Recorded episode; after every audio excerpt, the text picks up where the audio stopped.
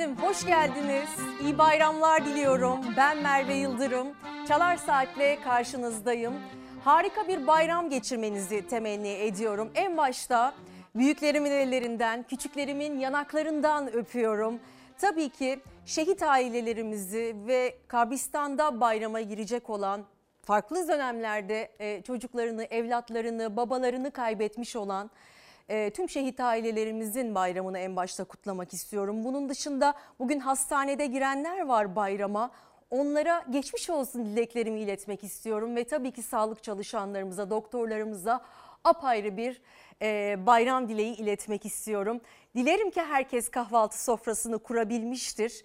E, maddi zorluklar dolayısıyla bugün e, evine herhangi bir yiyecek alamayanları da lütfen unutmayalım. Çünkü bayramlar hem e, hatırlama hem de yardımlaşmak için e, özeldir. Lütfen yardımlaşmayı da ihmal etmeyelim. Kurban kesecek olanlar acemi kasaplar lütfen dikkat edin. Sonu hastanede bitmesin. Çünkü Kurban Bayramı'nın unutulmaz ve klişeleşmiş manzaralarından biri acemi kasaplardır. Böyle haberleri vermek zorunda kalmayalım. Yola çıkacak olanlar lütfen acele etmeyin. Lütfen trafik kazalarına karşı tedbirli olalım. Ee, herkese iyi bayramlar diliyorum. Ee, yorumlarınızla bize katılabilirsiniz tabii ki bu bayramda. Ee, şunu düşündük. Etiket olarak bayram dileğim etiketini sizlerle paylaşmak istiyoruz. Merve İldirim TV Twitter ve Instagram'dan yazabilirsiniz. Bugün burada e, özellikle tabii ki bayram temennilerini ve mesajlarını paylaşacağız. Hem liderlerimizin hem de sizlerden gelen e, mesajları paylaşacağız ama özel bir konuğumuz var. Türkiye Barolar Birliği Başkanı Erinç Sakan bizlerle birlikte olacak. Çünkü yaşamış olduğumuz bu şiddet sarmalının içerisinden çıkış noktamızın en önemli e, uzantısı hukuk ve e, şiddet yasasını konuşacağız. Şiddetin önüne nasıl geçebileceğimizi konuşacağız. Hem sağlıkta hem de hukuk sektöründe maalesef çok acı olaylar yaşadık bu hafta. Bir avukat ve bir doktor öldürüldü, vahşice öldürüldü.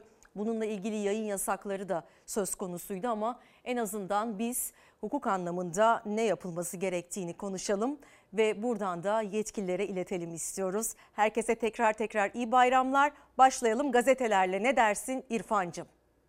Önce haberimizle mi başlayalım? Peki gazetelerle başlayalım.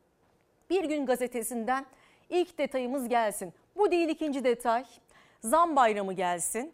E, maalesef bu bayramda zamlarla karşıladı Türkiye. E, bu bayrama da zamlarla girdik. Ekmekten yumurtaya ilaçtan motorine yine zam yağdı. İlaçlar %25 oranında zamlandı. E, tüm Eczacı İşverenler Sendikası Başkanı Saydan ilaç sorununun süreceğini söyledi. Tüm ilaçlara geldi %25 oranındaki zam.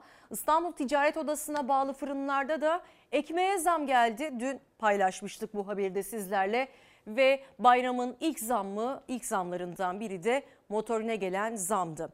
Tabii ki bunların hepsine daha detaylı şekilde bakacağız ama önce bu bayramın e, Kurban Bayramı'nın e, namazı için camilere akın eden tüm insanlarımızın görüntülerini sizlerle paylaşmak istiyoruz.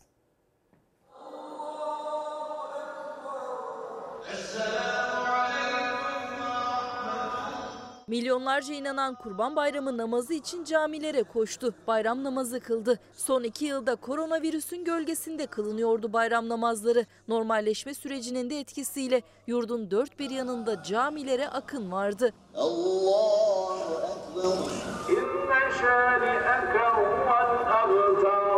Ayasofya Camii 87 yıl aradan sonra geçen yıl Ramazan bayramında ilk kez açmıştı kapılarını bayram namazı için. Sonraki bayram namazlarında dolup taştı cami. İçeriye giremeyenler yanlarında götürdükleri seccadeleriyle bayram namazlarını avluda kıldı.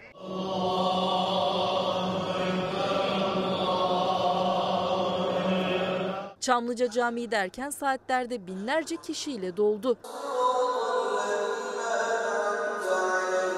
Bayram namazı kılmak için Eyüp Sultan Camii'ne giden binlerce İstanbullunun oluşturduğu yoğunluksa havadan görüntülendi. Cami tamamen dolunca vatandaşların büyük bir bölümü de namazlarını avluda kıldı. Türkiye'nin dört bir yerinde camilerde manzara aynıydı. Bayram namazı yoğun kalabalıklarla kılındı. Seviyorum. Liderler de tabii ki bayram mesajlarını paylaştı. Cumhurbaşkanı Erdoğan'ın bayram mesajını en başta sizlerle paylaşmış olalım. geçtiğimiz 20 yılda kurduğumuz güçlü altyapının üzerinde Türkiye'yi muasır medeniyet seviyesinin üzerine çıkartacak bir hamle gerçekleştirme fırsatı yakaladık. Milletimden hayata geçirdiğimiz programlara daha güçlü destek ve biraz daha sabır talep ediyorum. Cumhuriyet tarihi boyunca başlattığımız her atılım hamlesinin önünün türlü oyunlarla kesilmesine defalarca şahitlik ettik. İnşallah bu defa hem tarihten aldığımız dersler hem de sahip olduğumuz avantajlar sayesinde büyük ve güçlü Türkiye'nin inşasında herhangi bir duraklamaya, gerilemeye meydan vermeyeceğiz. Bir kez daha Kurban Bayramınızı tebrik ediyor. Her şeyin gönlünüzce olmasını diliyorum. Kalın sağlıcakla. Devlet Bahçeli e, bayram mesajını bu sabah e, verdi. Alparslan Türkeş'in mezarını ziyaret etti. Hemen onu da sizlerle detaylarını paylaşalım. bayramı vesile ederek toplum olarak huzura bayram sonrasında ekonomik ve sosyal yönden iyileşmelere topluca gayret göstermeye ve hepimizin bildiği gibi Cumhurbaşkanlığı hükümet sisteminin 5. yılındayız. 5 yılcı yılın sonunda muhtemelen Haziran 18'de 18 2023'te bir seçim de Türkiye genel seçim ve yaşayacağı için her şeyi millet iradesine bırakmayı, tercihi milletimizin yapmasını arzulamayı düşünmeliyiz. Yoksa 3-5 ne yüdüğü belirsiz her olayda millete ters düşen ve siyasete alet olmuş kuruluşlarla bir yere varmak mümkün değildir. Her defasında söylüyorum. Tabipler Birliği kapatılmalıdır. Hekim kardeşlerim kendi kuruluşlarına yeniden sahiplenmeli ve yeni bir organizasyona gitmelidir. Gündemin en önemli meselelerinden biri e, doktorumuzun e, öldürülmesi, bir doktorumuzun vahşice görev başında katledilmesi ve Türkiye Tabipler Birliği'nin de bu konuda ne kadar e, dimdik ayakta olduğunu biliyorsunuz. iki gün süreyle grev sürdü ve doktorlar, sağlıkçılar eylemdeydi. Önlüklerini astılar. Kana bulanmış önlükleriyle protesto ettiler ve eğer önlem alınmazsa bu protestoların da süreceğini belirttiler. Türkiye Tabipler Birliği de bu konularda tepkilerin başını çekiyor. Tepki gösterenlerin en başında Devlet Bahçeli'nin de bu konuya dair mesajları tabii ki konuşulacak. Ve diğer liderlerin de mesajlarına bakalım birlikte. Kemal Kılıçdaroğlu hiç kimsenin kimliği, inancı ve yaşam tarzı dolayısıyla ötekileştirilmediği, hiçbir çocuğun yatağa aç girmediği, her yerde, her evde huzurun ve bereketin olduğu, önce israf ve yolsuzlukların ardından da yoksulluğun tarihe gömüldüğü bir Türkiye'yi hep birlikte el ele inşa edeceğiz dedi. E, zaten e, Sayın e, Devlet Bahçeli ve Sayın Cumhurbaşkanı Erdoğan'ın e, bayram mesajlarını gördük ama e, bir mesaj daha, bir ayrıntı daha sizlerle paylaşmak istiyorum. Küresel ekonomideki bozulmanın ülkemize olan etkileri yanında kurdaki dalgalanmanın ve hayat pahalılığının insanlarımızın günlük hayatlarında yol açtığı zorlukları elbette biliyoruz dedi Cumhurbaşkanı. Milletimden hayata geçirdiğimiz programlara daha güçlü destek ve biraz daha talep ediyorum diye sözlerine devam etti. Mustafa Şentop Meclis Başkanı sosyal adaletin tesisinde önemli katkıları olan kurban ibadeti toplumun her ferdine dayanışma ruhuyla tıpkı bir okul gibi öğretici olur. Bu mübarek bayram günlerinin kurbanla gelen sevincin milletimizin huzur ve mutluluğunu artırmasına vesile olmasını temenni ediyorum diyerek sözlerine devam etti. Tabii ki İyi Parti lideri Meral Akşener'den, Ali Babacan'dan, Ahmet Davutoğlu'ndan ve diğer parti liderlerinden de gelecek mesajları sizlerle paylaşıyor olacağız. Ama tabii ki sizin mesajlarınız bizim için en önemli mesajlar bayram dileği etiketiyle güne başladık. Bayram dileğim etiketiyle Merve Yıldırım TV Twitter ve Instagram'dan yorumlarınızı ve düşüncelerinizi bizlere ulaştırabilirsiniz. Yani tüm Türkiye'mize ulaştırabilirsiniz efendim. Gelelim ikinci detayımıza.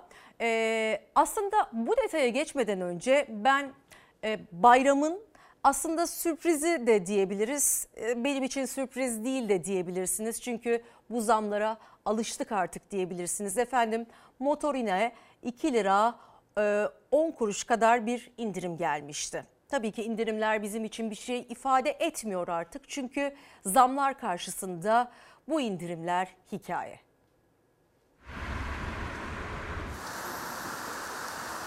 Bayramdan hemen önce 2 lira 10 kuruş indirim geldi motorine. Özellikle uzun yola çıkacakların cebini az da olsa rahatlatmıştı o indirim. Ancak uzun sürmedi sürücülerin sevinci. Bayramın ilk günü motorin 81 kuruş zamlandı. Kurban Bayramı ile birlikte milyonlar 9 günlük tatil fırsatıyla yollarda. Akıllarında akaryakıt fiyatları 2 lira 10 kuruş indirim gelmişti motorine. Daha 24 saat dolmadan aynı gün zam geleceği haberi duyuldu. Öyle de oldu. Gece yarısından itibaren tabelalar 81 kuruşluk zamla güncellendi. 20 liraya alsaydık önümüz bayram insanlar memleketine gidebilirdi. 1 lira bile düşse insanlar mutlu oluyor. Arife gecesi motorine gelen 2 lira 10 kuruşluk indirim gece yarısından itibaren pompaya yansıtıldı. Ama daha sürücülerin birçoğu tabeladaki indirimi göremeden yeniden zam geleceği haberini duydu. Önce indirim sonra zam. Sürücüler fiyatların değişimine yetişemiyor. İstanbul'da motorinin litre fiyatı son indirimle 24 lira 59 kuruş olmuştu. Bugün 25 lira 42 kuruş. 100 liralık alacağım. Ona gücümüz yetiyor. İndirim sağlanmalı şu anda öyle düşünüyorum. Türkiye gazetesiyle devam edelim. Türkiye gazetesinden yine bir ekonomi başlığı. Kazıklama tesisleri pahalılıkta havalimanlarıyla yarışıyorlar diyor. Türkiye gazetesi Kurban Bayramı'nı fırsat bilen dinlenme tesisleri menü fiyatını %40 ila 30 arasında artırdı. Vatandaş tatil soygunu yolda başlıyor diye isyan etti. Menü aynı ama fiyatlar bayram tarifesi adı altında güncellendi. 15 liraya kadar çıkıyor bir bardak çay ve bu da zaten zar zor memleketine giden yolcuları bir yandan e, daha da belini büküyor diyebiliriz. Tabii pek çok kişi memleketine gitti. Tatile gidebilenler oldu. Maddi e, gücünü ayarlayabilenler aslında tatile gittiler. Yine malum uçak bileti fiyatları, otobüs bileti fiyatları ciddi boyutlara ulaşmış durumda. Özellikle gidiş dönüş 3000 TL'ye varan otobüs e, biletleri var ve bu geçtiğimiz yıllara oranla kat be kat e, oranda yüksek maalesef. Zamlardan nasibini aldı. Tabii benzin ve akaryakıt fiyatlarıyla birlikte kısmen uçaklara göre daha uygun fiyatlı olan otobüslerde de durum böyle, tablo böyle. Ama tabii ki bu gidenlere engel değil. Tatil beldeleriyle e, başlayacağız şimdi. Tatil beldelerinden de görüntüler gelmeye başladı. Muğla girişinde tam 5 kilometrelik araç kuyruğu oluştu.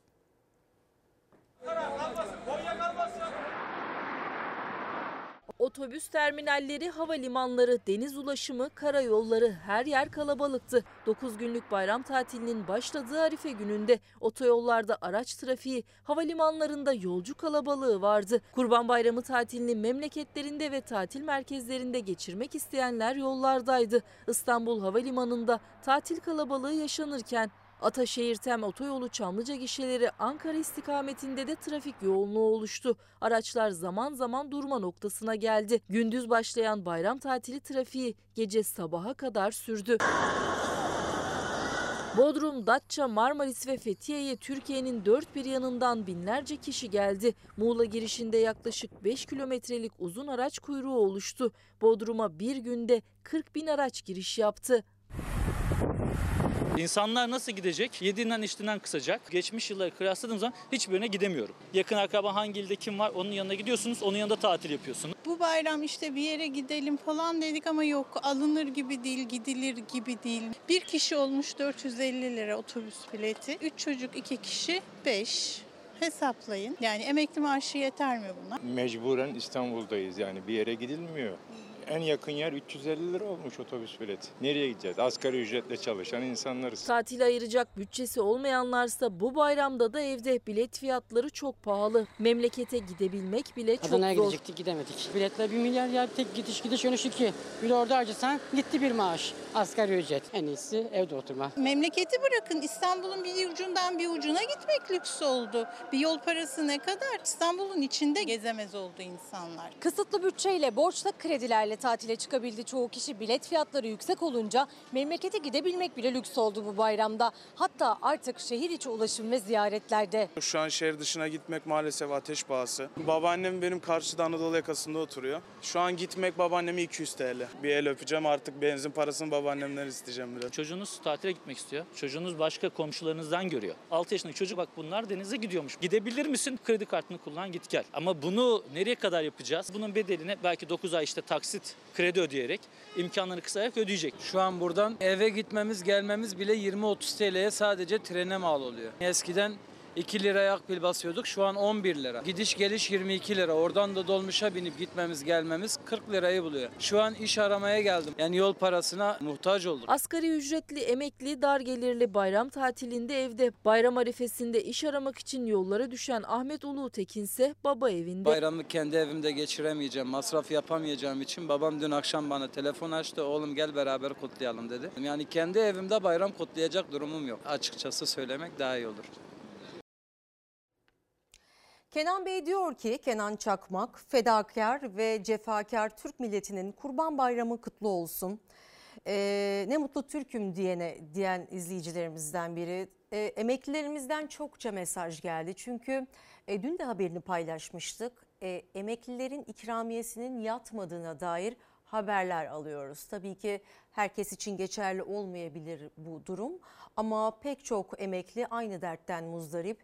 Örneğin Nabi Bey diyor ki emekli kendisi e, bayram dileyim enflasyona çare bulunması, emekliye memura verilen zamların artık erimemesi ama maaşa gelen zam ilaca gelen %25'lik zam kadar eridi. Bu da başka bir ayrıntı diyor.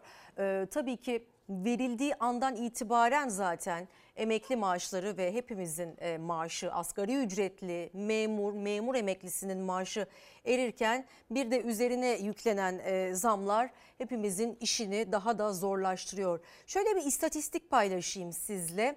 E, şimdi vergi dilimlerini konuştuk biz bu hafta ve verilen %40'lık zammın %9 ila 10 arasındaki e, seviye vergi dilimlerine gidiyor. Yani özellikle asgari ücretle vergi dilimi düzenlemesi yapılması gerektiğini vurguluyor vergi uzmanları ve işin uzmanları. Çünkü vergi dilimleri e, düzenlenmediği takdirde maaşlar erimeye devam edecek. Bu arada e, bayram ikramiyesi 1100 TL biliyorsunuz e, pek çok kişiye yatmamış olsa da geçtiğimiz yıllarda 212 dolara tekabül ediyordu.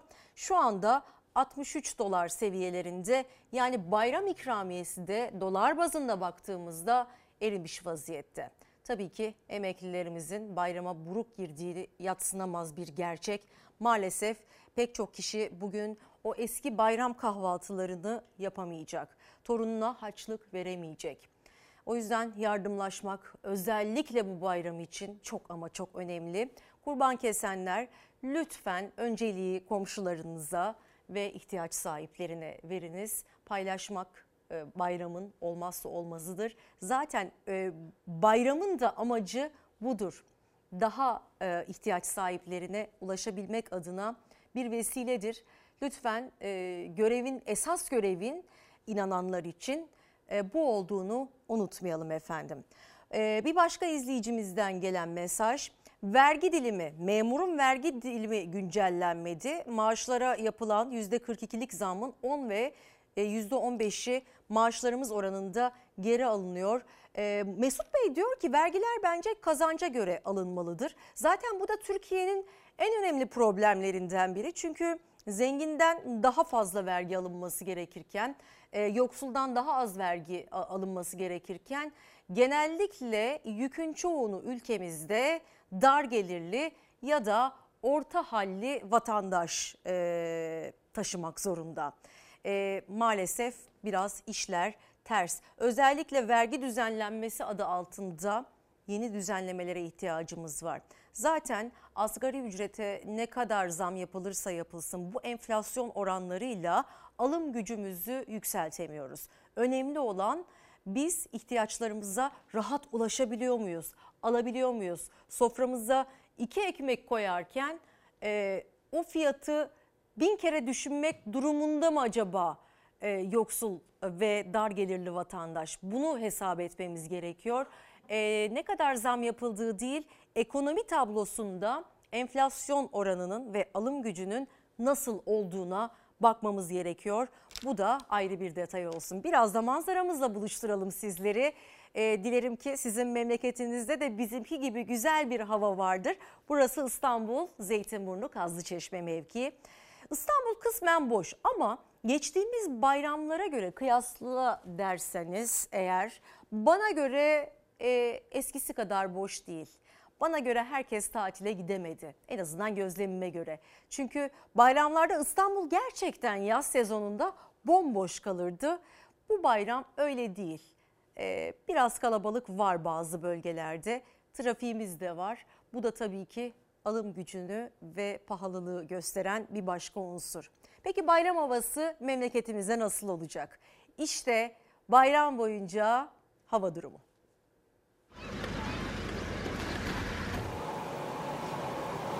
Bayramda Güneydoğu Anadolu kavrulacak. Sıcaklık 40 derece ve üstünde bölgede. Marmara ve Karadeniz ise yaz yağmuruyla ıslanacak.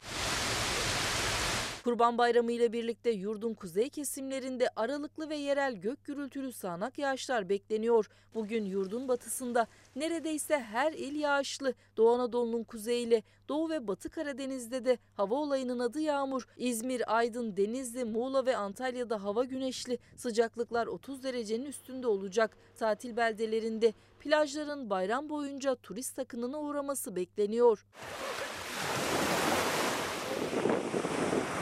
Bayramın ikinci gününde yağmur alan il sayısı artacak. Marmara, Karadeniz ve İç Anadolu'da yağmur kuvvetli yağacak. Üçüncü ve dördüncü gün Marmara ve İç Anadolu'yu terk ediyor yağmur. Sadece Karadeniz'de etkili olmaya devam edecek.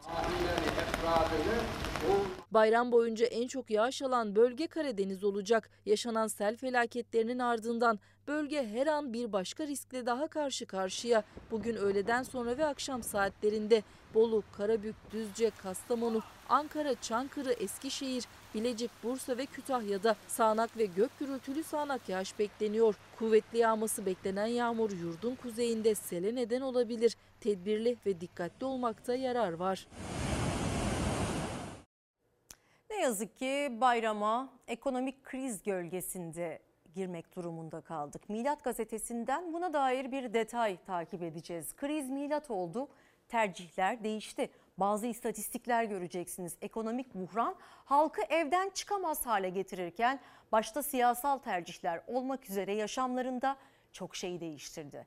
Örneğin dışarıda daha az sosyalleşmeye başladım diyenlerin oranı yükseldi. Evet ve hayır oranlarını görüyorsunuz. Turuncular evet, hayır diyenler de gri. Dışarıda daha az sosyalleşmeye başladım diyenlerin oranı 76, %76 diyebiliriz. E, toplu taşıma araçlarını kullanmaya başladım diyenler turuncular efendim. Bir ürün satın alacağım zaman iki defa düşünüyorum diyenler turuncular 90 e, ve kripto para yatırımı yaptım diyenlerin oranında düşük. Düşüklüğü görüyorsunuz. Çünkü bu dönemde yatırım yapabilmek herkesin harcı olmuyor tabii ki. Yatırım yapabilen, e, kazancının belli bir kesimini biriktirebilen kişinin sayısı oldukça e, can yakıcı seviyelere geldi. Bazen emeklilerimiz hep böyle sokak röportajlarında söylerler.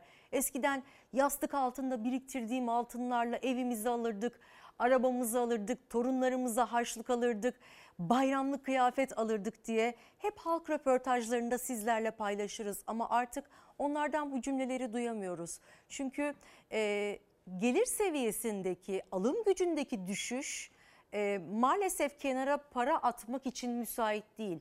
Paramızın bereketi yok. Bu da Türk lirasındaki değer kaybından kaynaklanıyor maalesef. İşte durum böyle. Her şey lüks oldu diyenler var ve e, siyasi tercihlerin de değişmiş olduğunu görüyoruz. Katılımcıların önemli bölümü bu süreçte siyasi fikirlerinin değiştiğini ifade etti. Son seçimde AKP'ye oy verenlerin %55'inden fazlası tercihlerinin değiştiğini ifade ederken MHP'de %65'in üzerinde. Buhran yıkıp geçti detayı da başka bir e, pencere efendim. Tabii ki muhalefetin sık sık dile getirdiği erken seçim çağrısını e, da gözden kaçırmayacağız. Bu kez çağrıyı AK Parti içinden bir isim yaptı. MKYK üyesi Şamil Tayyar yaptı. Tayyar süre uzadıkça risk artar dedi ve uzun zamanda, uygun zamanda aziz milletin hakemliğine başvurmak gerekir diyerek sözlerine devam etti. Önümüzdeki yılın Haziran'ında seçim var. Süre uzadıkça risk artar. Uygun zamanda aziz milletin hakemliğine başvurmak gerek. Feraset sahibidir. Sözü söyler, hükmü verir. Muhalefet aylardır erken seçim diyor ama ilk kez AK Parti içinden de erken seçim çağrısı yükseldi. AK Parti MKYK üyesi Şamil Tayyar 2023 Haziran'ı beklenmeden uygun zamanda seçim yapılmalı dedi. Üstü kapalı erken seçim çağrısında bulunmuş. AK Parti'nin MKYK üyesi de seçim istiyorsa vakit tamamdır. Sandık gelecektir. Muhalefet partilerinin tamamı 146 oyda kalırken AK Parti ve Cumhur İttifakı ise 995 oya karşılık gelen %87'lik bir oranla seçimi açık ara kazanmıştır. Madem doktor, avukat kadın cinayetlerini, çocukların, gençlerin umutsuzluğunu, ev kadınlarının çaresizliğini, çiftçinin çilesini örtebilecek kadar büyük bir seçim kazandınız. O zaman sandığı getir. Cumhurbaşkanının Dodurga seçim sonucu üzerinden muhalefete verdiği mesaja meydan okuyarak yanıt verdi. Sözcü gazetesinden Deniz Zeyre'ye konuşan Meral Akşener, muhalefet özellikle ekonomik tabloyu da işaret ederek sandık diyor. Bir olasılıkla Erdoğan erken seçim kararı alacak. İşte söylüyorum seçim önümüzdeki yıl Haziran ayının ortasında yapılacak. Seçim süreçleri üzeri açık yara gibi her an enfeksiyon kapabilir. O sebeple provokasyonların en yoğun yaşandığı dönemlerdir. Süre uzadıkça risk artar. Uygun zamanda aziz milletin hakemliğine başvurmak gerek. Feraset sahibidir, sözü söyler, hükmü verir. Cumhurbaşkanı muhalefetin erken seçim taleplerine ısrarla 2023 Haziran yanıtını verirken ilk kez AK Parti'de önemli bir görevde olan yol arkadaşından MKYK üyesi Şamil Tayyar'dan da seçimin gecikmemesi açıklaması geldi. Süre uzadıkça risk artar diyerek uygun zamanda seçim yapılmalı dedi AK Partili Tayyar. Erken seçim yapın diyoruz. Seçim artık getirin. Hakem millettir. Milletin önüne sandığı getirin diyoruz. Şimdi Şamil Tayyar da aynı laf etmiş. Şamil Tayyar'ın erken seçim mesajına AK Parti'den henüz bir açıklama gelmedi. Bir gün gazetesini sevgili İrfancığım hazırlarken, yönetmenimiz İrfan zam bayramı detayını e, hazırlarken sizden ekonomi yorumlarınızı da bekliyorum. Alışverişinizi yapabildiniz mi? Eğer yaptıysanız hangi gözlemleri e, bizimle paylaşmak istersiniz? Bunu sormak istiyorum. Bayram dileğim etiketiyle güne başladık. Kurban bayramınız mübarek olsun efendim tüm inananlar için. E, lütfen yardımlaşmayı ihmal etmeyelim. Çünkü vaziyet böyle. Bu bayramda da zamlarla girdik. Bu bayrama da zamlarla girdik. Ekmekten yumurtaya, ilaçtan motorine yine zam yağdı. İlaçlar %25 oranında zamlandı. Resmi gazetede yayınlandığını söyledik zaten ilaçların e, zam oranını. Bu arada geçtiğimiz hafta e, Eczacılar Odası Başkanı e, konuğumuzdu ve ne kadar zor durumda olduklarını anlattı. Zaten uzun zamandan beri Fox Haber muhabirleri eczanelerdeki durumu sizlere aktarmaya çalışıyor. Eczanelerde sanki bakkal defteri gibi veresiye defterlerinin olduğunu gözlemliyoruz. Ve vatandaş temel ihtiyacı olan bir sosyal devlette yaşayan vatandaşın e, hakkı olan temel ihtiyacı olan yaşamak için kullanmak zorunda olduğu ilaçlara olan erişiminin ne yazık ki mümkün olmadığını gözlemliyoruz. Öyle ki bir emekli aynı zamanda barınarak yani eğer evi yoksa kira ödemek durumunda. Desteği yoksa düşünün halini. Ee, ve emekli maaşıyla karnını doyun, doyurmak zorunda, sağlıklı beslenebilmek zorunda. Ve belli bir yaş üzerinde olan e, her insanın ufak ufak rahatsızlıkları da olsa mutlaka e, bazı sağlık masrafları çıkıyor. Bunu e, izleyen emekli e, izleyicilerimiz, emekli e, büyüklerim anlayacaklardır. Onların ilaç masrafını da karşılamak adına paraya ihtiyacı var. Ve böyle bir dönemde zaten alım gücünün bu denli düştüğü bir dönemde bir de bu sağlık masraflarını ve ilaç masraflarını karşılayabilmek adına e, çok ama çok derin mücadeleler veriyorlar. Keşke mutsuz girmeseydi kimse bu ülkede bayrama ama e, aldığımız mesajlara baktığımızda ikramiyelerin bile sadece ve sadece 4 yıldır zamlanmayan 1100 TL'lik ikramiyenin bile onlara ulaşmadığı konusuna dair e, mesajlar alıyoruz. İhbar hattına gelen mesajlar bunlar. Artık milletin sabır taşı çatladı diyor Sözcü gazetesi. Aslında burada bir fotoğraf karesi var. En çok ona dikkat çekmek istiyorum. Burada bir kuyruk görüyoruz efendim. Bu kuyrukları biz uzun zamandan beri görüyoruz. Özellikle halk ekmek büfelerinde. Ee, Şimdi de bir fırının e, ekmek büfesinin kuyruğu bu. Herhalde alım gücünde bir zorluk yaşamayan hiç kimse saatlerce bu kuyrukta beklemez diye düşünüyorum. Bilmiyorum siz ne düşünüyorsunuz ama bu görüntü Kayseri'den. Ee, üzerindeki hemen manşeti birazdan sizle paylaşmak istiyorum. Çünkü aslında bu bir istatistik. 2018 ve 2022 yılı arasındaki istatistik. Yani 2018'de başlayan ve gittikçe daha daha zorlu bir hal alan ekonomi tablosuna bakan bir detay. O yüzden birazdan paylaşmak istiyorum. Şimdi enflasyonla devam edeceğiz. Malum muhalefet e, sokakta takip ediyoruz e, enflasyon gündemini. Aslında vatandaşla da sık sık bir araya geldiğini tanıklık ediyoruz muhalefet parti liderlerinin. Ali Babacan e, Kırıkkale'deydi ve vatandaşları dinledi. Cumhurbaşkanı Erdoğan ise hayat pahalılığının farkındayız dedi ve sabır istedi bu hafta. Milletimden biraz daha sabır talep ediyorum dedi. İşte enflasyonun siyasetteki yansımaları. Halimiz ne olacak? Milletimden biraz daha sabır talep ediyorum. Kardeşim 20 yıldır millet sizin politikalarınıza sabrediyor zaten. Sabır taşı çatladı. Bıçak kemikte ve artık kimsenin dayanacak gücü kalmadı. Pazarın yarısını alıyor, yarısını alamıyor. Doğru. Düğün yapacağım yapamıyor. Muhalefet çarşı pazarda vatandaşın esnafın nabzını tutarken her adımda yüksek enflasyon, hayat pahalılığı, geçim sıkıntısı sesleri yükselirken Merkez Bankası yıl sonu enflasyon tahminini %64,59'dan 69,94'e, dolar kuru tahminini 18,89'dan 18,99'a yükseltti. Cumhurbaşkanı Erdoğan bir kez daha milletimizden sabır bekliyorum dedi. Bundan sonra sabır çekeceklerse seçimin olacağı güne kadar yağ sabır çekecekler. Antalya'dan mal yüklüyor. Bedava mal yüklüyor. Arabam 15 bin lira yapıyor. Bir işçiliği saymıyorum. Kurdaki dalgalanmanın ve hayat pahalılığının insanlarımızın günlük hayatlarında yol açtığı zorlukları elbette biliyoruz. Mazotun, doların fiyatını patlatan kim? Dolar artınca mazot artıyor. Taşıma fiyatı artınca da bu nasıl artıyor? Sebep ne? Hükümet bu ekonomiyi yönetemiyor. Cumhurbaşkanı Erdoğan'ın kurlardaki dalgalanma hayat pahalılığının farkındayız. Sabredin sözlerine muhalefet kurun yükselmesinin de hayat pahalılığının da sebebi iktidar ve ekonomi yönetimi dedi. Binali Yıldırım ise yurt dışında ekonomik sıkıntıların daha büyük olduğunu söyledi. Avrupa'dan Türkiye'ye tatile gelen Türk vatandaşı ise tam tersini. 10 gün önce yurt dışındaydım. Orada gördüm. Hakikaten sıkıntılar bizimkinden daha fazla. Başkanım ben Avrupa'dan geliyorum. Pahalılık nedir başkanım ya? Bir de Avrupa'dan geldi. Sanılan pahalı geliyor. Ya. ya pahalı gelmiyor değil. Euroyu bozdurunca ucuz oluyor diyorlar da. Ucuz. Bizim için ucuz. Ama bu insanlara yazık günah. Ortalama dünya enflasyonu, yıllık enflasyonu bizde aylık geliyor. Bazen iki katı geliyor. Artırılmış haliyle bile asgari ücrete 5500 lira derseniz, en düşük emekli maaşına 3500 lira derseniz insanlar aç bırakıyorsunuz demektir. Çalışanların yemek kartlarına yüklenen bir günlük yemek bedeli için 1 Ocak'tan itibaren geçerli olan 34 TL'lik istisna tutarını 1 Temmuz'dan itibaren geçerli olmak üzere 51 TL'ye, ulaşım kartlarına yüklenen bir günlük 17 TL'lik istisna tutarını 25,50 TL'ye çıkardık. 3 öğün yemek 51 liraya yenen bir yer varsa Nebati gitsin oradan konum atsın biz de geleceğiz orada yiyeceğiz o yemeği. Ulaşım bedelini 17 liradan 25 liraya çıkardık diyor. Bugün ulaşıma gelen zam %123.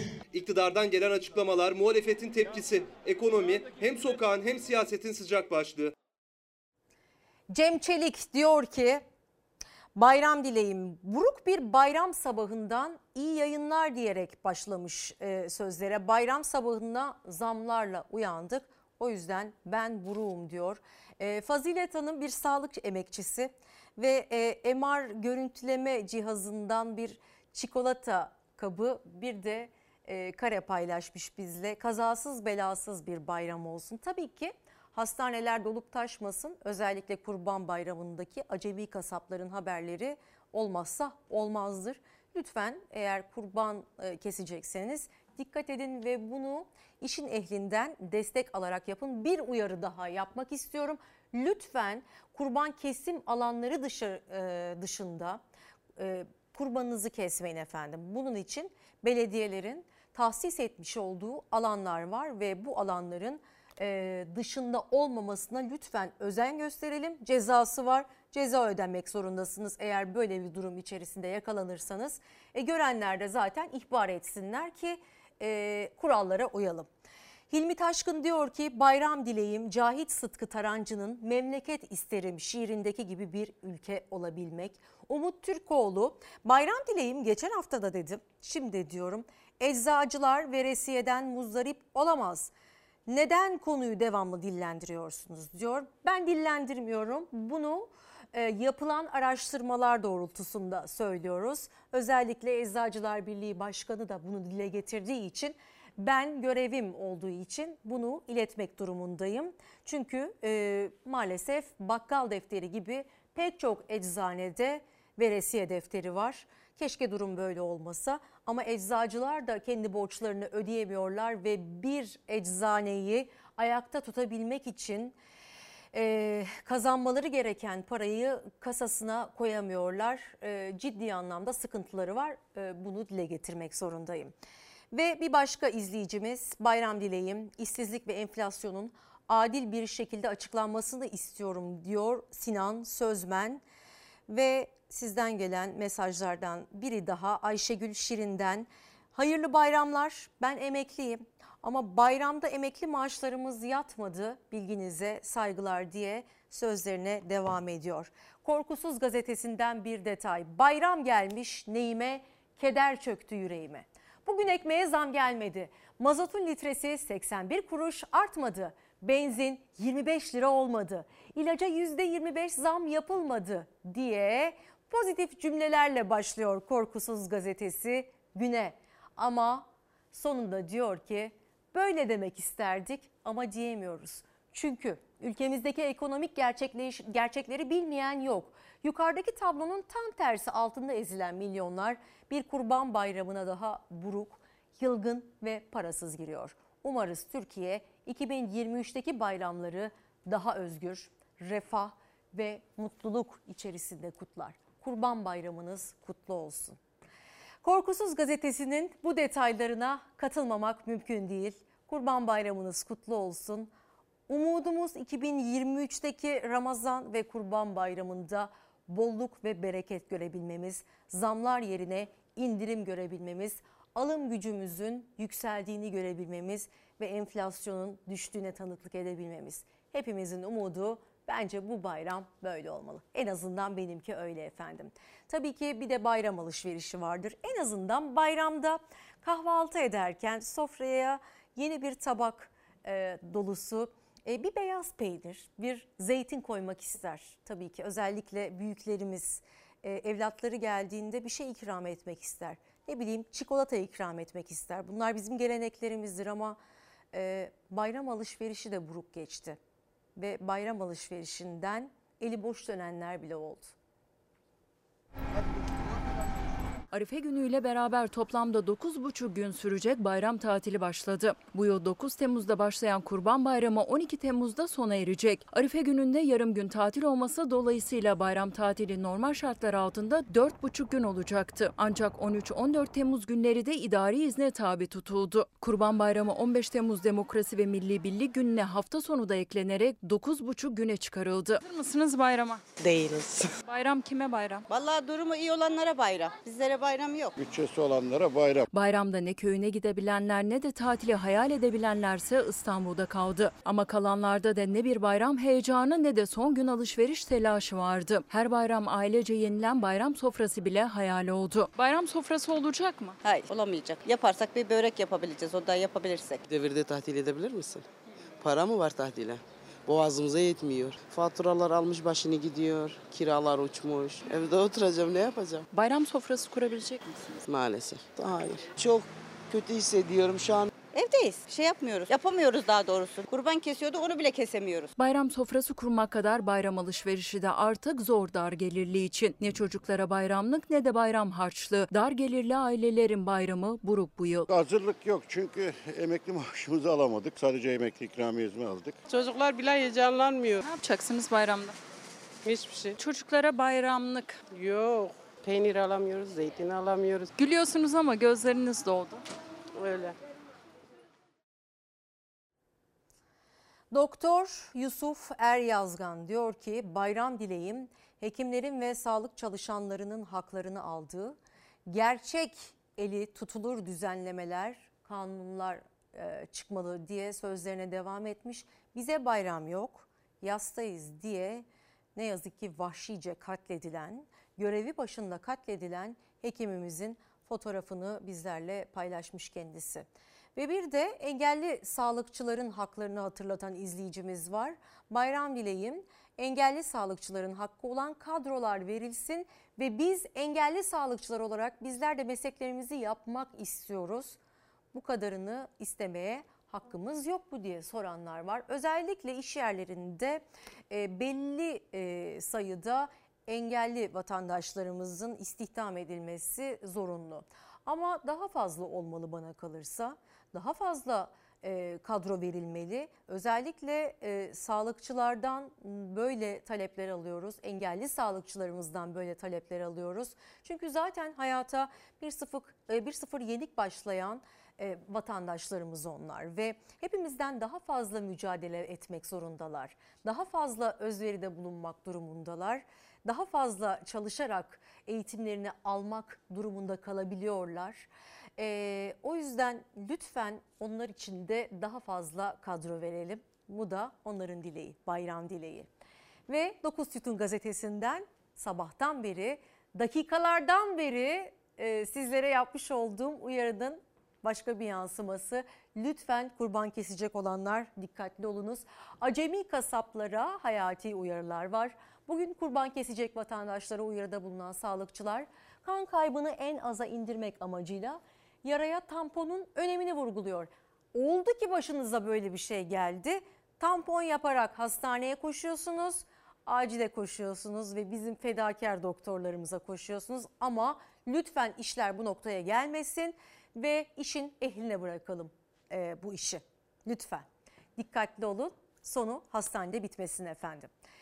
Ve gıda enflasyonuyla devam edelim. Türkiye İstatistik Kurumu verilerinde bile %93 oranında artık. Antalya Ticaret Borsası da hal fiyat endeksini açıkladı. Endekse göre bir yıl içerisinde hal fiyatları da %95 oranında yükseldi. Nazlı Yere Basmaz ve kameraman Çağlar Güner Antalya'da taze sebze meyvenin kalbinin attığı yere gitti bu hafta. Antalya halindelerdi. Tüm Türkiye'nin ürün gönderen, e, tüm Türkiye'ye ürün gönderiliyor bu halden ve fiyatların neredeyse %100 oranında yükselişinin sebeplerini hem üretici hem de pazarcı hem de hal, es, e, hal esnafı anlatacak şimdi bizlere.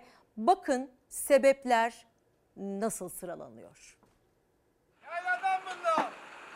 5 Temmuz sabahı 7 lira karalan. evet başka Beyazlana 4 lira. kavun var arkanızda. Kavunlar var, kavunlar 6 lira kilosu. Kereviz var 20 lira kilosu. Kilosu. Kilosu 20 lira. Halden çıkış. Halden çıkışı o. Domates, biber, patlıcan, salatalık, kabak, sırır, Her şey. Kaliforniya her şey var. Nasıl fiyatlar? Fiyatlar biraz pahalı ya. Neden?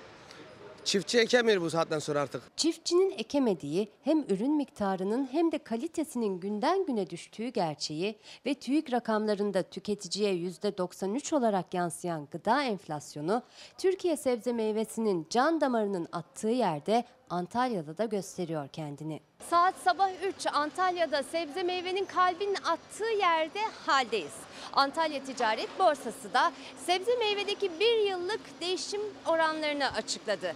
Buna göre hallerde meyvenin fiyatı %90, sebzenin fiyatı %95 oranında arttı. Öyle bir artış oldu da bunun yanında ilaç fiyatları, gübre fiyatları, mazot fiyatları. Yükseliyor %90-95 de şöyle bir şey var. Bu senenin 10 lirası geçen senenin 3 lirası. Paranın değeri kayboldu, maliyetler yükseldi. 15 liralık poşet 50 lira oldu. Ben buraya Bucak'tan Antalya'ya 100-150 lira mazot yakıyordum. 5-600 lira yakıyor. Kamyonları mesela bu pazarcı Afyonlu pazarcısı arkadaş. Ona soracaksın gari ne kadar mazot yaktığını bir Afyon'dan geliş gidiş. E hadi sorayım o zaman. Afyon'dan gelip gidiyorsunuz. Evet. Afyon'dan Antalya'ya geldiniz. Ne kadar mazot yaktınız? 2 lira mazot yakıyor 2 milyar. Yok yok gülüm yani yok öyle yani. Zaten bizim Korkuden'den gelip gitmemiz masrafımız zaten 6-700'ü buluyor. Bizim de işlerimize yansıyor bak gördüğünüz gibi. Müşteriler alamıyor. Alım gücü yok. Pazarda satamıyorlar. 15 abi. 5 olan Biber. Mazot parası, vergiler, eleman parası. Yani bunları çevirebilmek için çok büyük bir mücadele var. Haldeki büyük mücadele sıkı pazarlıklara da yansıyor. Alıcı fiyat düşürmeye, satıcı ürünün değerini korumaya çalışıyor. Ki üreticinin maliyeti TÜİK'in hesabına göre de bir yılda %138,31'e ulaştı. Patlıcanı 5 liraya aldım, domatesi 3 liraya aldık. kaç liraya satacaksınız? İkinci kalite domates ama. 5 lira, 6 lira çektiğine göre yani. Pazar bilir onu biz bilemeyiz. Gece geç saatlerde hale giren kamyonlar günün ilk ışıklarıyla halden ayrılıyorlar. Gördüğünüz gibi her yer kamyon ve hepsinin deposu motorinle doluyor. Sebze meyvenin üstündeki en büyük maliyet yükü de mazot. Ağzını açtı mıydın Antalya halinde komisyoncular şöyle yapıyor böyle yapıyor. Ya bizim suçumuz yok bunda. Akaryakıt ücretleri, komisyon girdiler, o ma- malaş maliyetleri falan. Yani her şey arttı biliyorsunuz. Attığımız adım her şey maliyet. Biz simit alıyorduk 1,5 liraya. Oldu 5 lira 7 lira. Çay içiyorsun 5 lira. Ya onların da maliyeti arttı. Yani kime ne diyeceğiz? Ve üniversitelerimizde de oldukça hiçbir zaman aslında görmediğimiz manzaralara tanıklık ediyoruz. Bu e, Boğaziçi Üniversitesi'nde atanmış e, rektörün protestolarıyla başlayan bir durum. Tabii ki daha öncesi de var ama bu yıl etkilerini net olarak görebiliyoruz mezuniyetlerde. Cumhuriyet Gazetesi'nden bir başlık dekandan U dönüşü. Susturmaya çalıştığı doktorun alnından öpüp altına imza atarım dedi. Hacettepe Tıp Fakültesi'nde mezuniyette dekan Profesör Doktor Demir Yürek'in konuşmasını kesmeye çalıştığı öğrenci temsilcisi Doktor Kaya Avşar'ı törenin ardından alnından öptüğü, konuşmanın altına imzamı atarım dediği ortaya çıktı. Avşar ben dekanımızı konuşma e, konuş e, konuşmama müdahale etmeye iten şeyleri eleştiriyorum dedi. Kendini böyle savundu. Tabii ki olayın başka detayları da var. Bu detayları da haberimizde paylaşalım. Bilim, baskıların, siyasi kaygıların olmadığı, demokrasinin ön planda olduğu özgür platformlarda ilerler. Üniversitemiz idari kadrolarının önceliği de siyasilerin beklentilerini karşılamaktan çok üniversitemizdeki bilim insanlarının isteklerini değerlendirmek olmalıdır.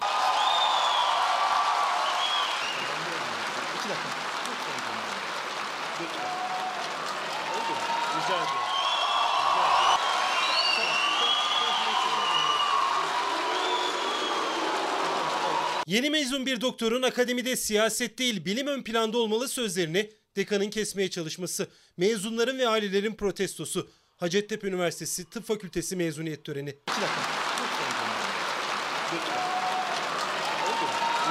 Öğretenlere,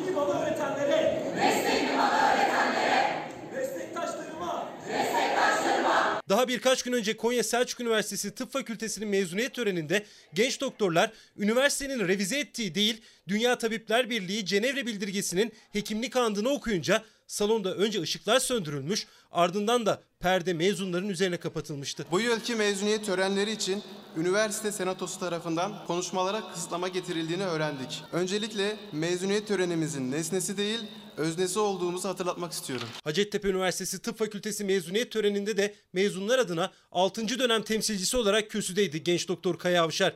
İdari kadrolardaki siyasallaşmaya dikkat çekerek bilime vurgu yaptı. Dekan Deniz Demirgüre'nin müdahalesiyle karşılaştı. Üniversitemiz idari kadrolarının önceliği de siyasilerin beklentilerini karşılamaktan çok üniversitemizdeki bilim insanlarının isteklerini değerlendirmek olmalıdır.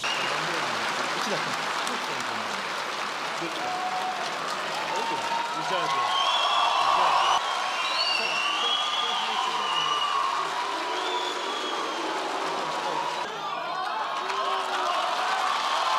Yüzlerce mezunun ve ailelerinin alkışlı protestosu karşısında dekan geri adım attı. Genç doktor sözlerini yine bilime vurguyla tamamladı. Bilimin aydınlattığı üniversitelerde demokrasinin hakim olması gerektiğine inanıyorum.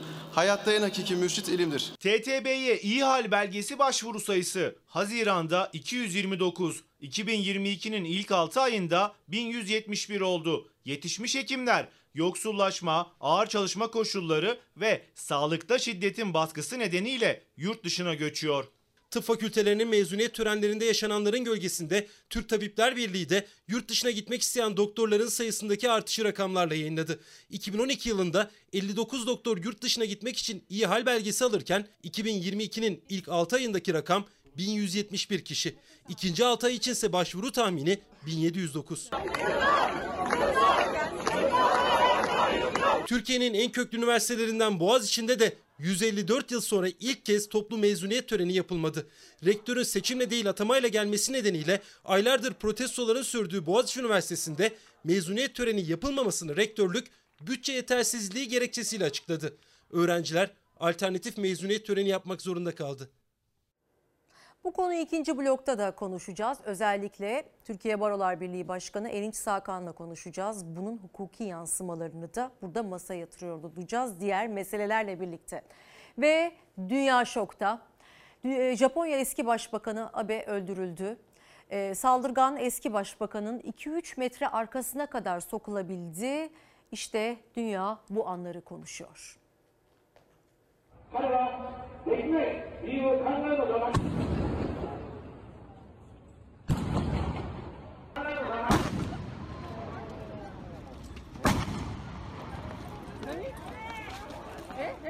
Eski Japonya Başbakanı mitingde silahlı saldırıya uğradı. Hastanede hayatını kaybetti.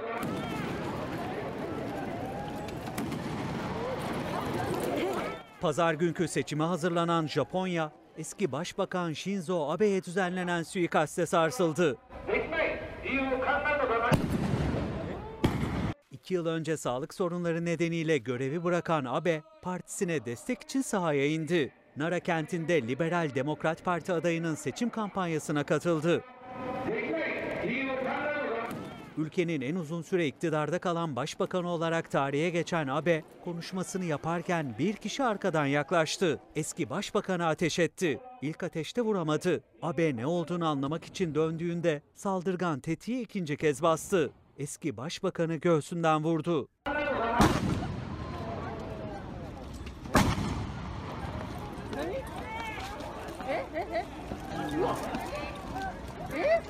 Mitingi izleyenler büyük şok yaşadı. Polis ve korumalar kaçma girişiminde bulunmayan saldırganı yakaladı.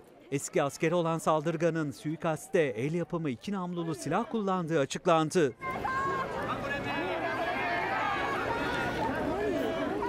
İlk müdahalesi olay yerinde yapılan 67 yaşındaki Shinzo Abe kaldırıldığı hastanede hayatını kaybetti. Gözaltına alınan saldırganın ilk ifadesi de ortaya çıktı. Alanda Abe'yi beklerken kameralara takılan zanlı eski başbakandan memnun olmadığını, bu nedenle onu öldürmeye çalıştığını söyledi. Efendim şimdi bir ara veriyoruz. Görüşmek dileğiyle. Tekrar tekrar iyi bayramlar efendim. Bugün güne bayram dileğim etiketiyle başladık. Merve İldirim TV, Twitter ve Instagram'dan yazabilirsiniz temennilerinizi, mesajlarınızı. Büyüklerimin ellerinden, küçüklerimin yanaklarından öpüyorum. En başta şehit ailelerimizi, bugünü kabristan'da karşılayan şehit ailelerimizin bayramı mübarek olsun. Ve sonrasında da bugünü hastanelerde karşılamak durumunda olan hastalarımıza geçmiş olsun dileklerimi iletmek istiyorum. Tüm sağlık çalışanlarımız var, mesaide olan sağlık çalışanlarımız var. Her şeye rağmen, yaşadıkları tüm vahşete rağmen insan kurtarmak için E, görevlerinin başında onlar. E, o yüzden onlara da ayrı olarak e, iyi bayramlar dileklerimi iletmek istiyorum. Lütfen acemi kasaplar e, dikkatli olsunlar, hastanelik olmasınlar. Bu uyarıyı da tekrar yinelemiş olalım. Efendim Covid alarm veriyor. Maske, mesafe ve hijyen kurallarını her ne kadar çok çok önceden hayatımızdan çıkarmış olsak da vaka oranları gösteriyor ki aslında tehlike çanları hepimiz için yeniden çalıyor. Bir gün gazetesi değil Karar gazetesinden bir detay. Bayramdan Covid'le dönmeyelim. Vaka sayıları 2 haftada 5 kat arttı. Sonbaharda beklenen pik Temmuz'da yaşanınca uzmanlardan bayramda teyakkuz şart uyarıları geldi. Tırmanış devam ederse hasta sayısı ve yoğun bakıma yatışlar artar. Büyüklerle bayram, bayramlaşırken özellikle iki tarafta maske takmalı. Çünkü e, geçtiğimiz hafta bakanlık verilerine göre 57 bin vaka tespit edildi. Bu çok yüksek bir oran. Bir haftalık vaka artışı yüzde 114 aylık olarak da yüzde 800'ü aştı. Yani ciddi anlamda alarm veriyor. Aşılanma oranlarının çok düşük olduğunu söyleyebiliriz. Çünkü ilk dozu hepimiz olduk. Yani e, en azından bu kadar düşük değildi aşılanma oranı ama e, yeniden aşı takvimimize göre e, yeniden olmamız gerekiyor.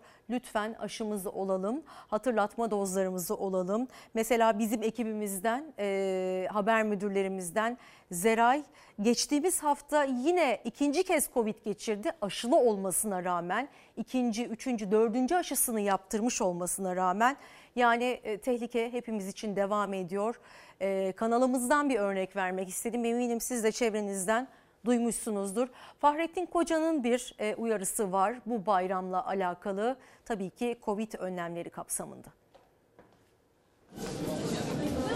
Salgında bir alevlenmeyle karşı karşıyayız maalesef. Hem Türkiye'de hem de dünyada koronavirüs yeniden alevlendi. Son bir haftada vaka sayısındaki artış bir önceki haftanın iki katı. Sağlık Bakanı Fahrettin Koca vaka sayısı artış gösteriyor dedi ve uyardı. Son dozun üzerinden 6 ay geçtiğinde aşının etkisi azalmaktadır. Bu süre dolmuşsa yeniden aşı olunması önem arz ediyor. Dünya Sağlık Örgütü uyarmıştı. Ardından Avrupa İlaç Kurumu da Avrupa'da yeni bir Covid dalgası yaşandığını açıkladı. İstanbul Tıp Fakültesi Dekanı Profesör Doktor Tufan Tükek, Türkiye'de 57 bini aşan vaka sayısının Kurban Bayramı ile birlikte daha da artabileceğine dikkat çekti. Bilim Kurulu üyesi Profesör Doktor Alper Şener ise bayram sonrası yoğun bakımlarda artış olabileceği konusunda uyardı. Bayram sonrası iki hafta içerisinde de tırmanış şeklinde devam edecek olursa bunu zaten hastaneye yatışa ve yoğun bakıma yatışa yansımasını göreceğiz. Sonbaharda beklediğimiz bir dalgalanmayı daha erken yaşayacağız gibi görülüyor. Bayram nedeniyle bir kaynaşmanın olacağı kaçınılmaz ve virüsün taşınmasının e, aşırı safhaya ulaşacağını ve vaka sayılarının çok artacağını bekliyoruz zaten. İnsanlarda da bir şey oluşturdu. Yani koronavirüs bitti algısı e, oluşturdu. Tabii bu algının bize yansıması e, yaz ortasında tabii böyle bir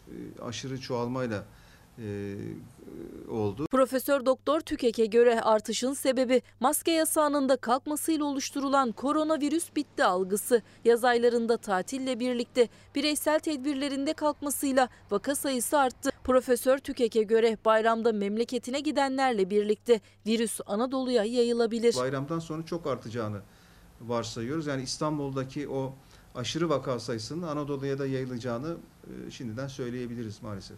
Koronavirüste tırmanışı önlemek için toplumsal bir tedbir henüz yok. Bilim Kurulu üyesi Afşin Emre Kayıpmaz'a göre bu sebeple bireysel tedbir şart. Kurban Bayramı'nda ilk olarak bayram namazında ardından kurban kesiminde bir araya gelecek kalabalıklar, sonrasında da akraba ziyaretleri. Her biri virüsün bulaşması için uygun ortam. Bu yüzden tedbirli olmakta fayda var. Bir kişiyi ziyarete gidiyorsanız e, siz de toplu yaşanılan bir yerden ya da toplu taşımadan e, çıkıp ziyarete gidiyorsanız mutlaka bir maskenizi en azından takın ki kapalı ortamları havalandırmalıyız. Çok uzun süre vakit geçirmemeliyiz. En azından çok yakın mesafede e, işte sarılıp öpüşmelerin engellenmesi, kapalı ortamlarda mutlaka maskenin e, herkes tarafından takılması önemli gibi gözüküyor.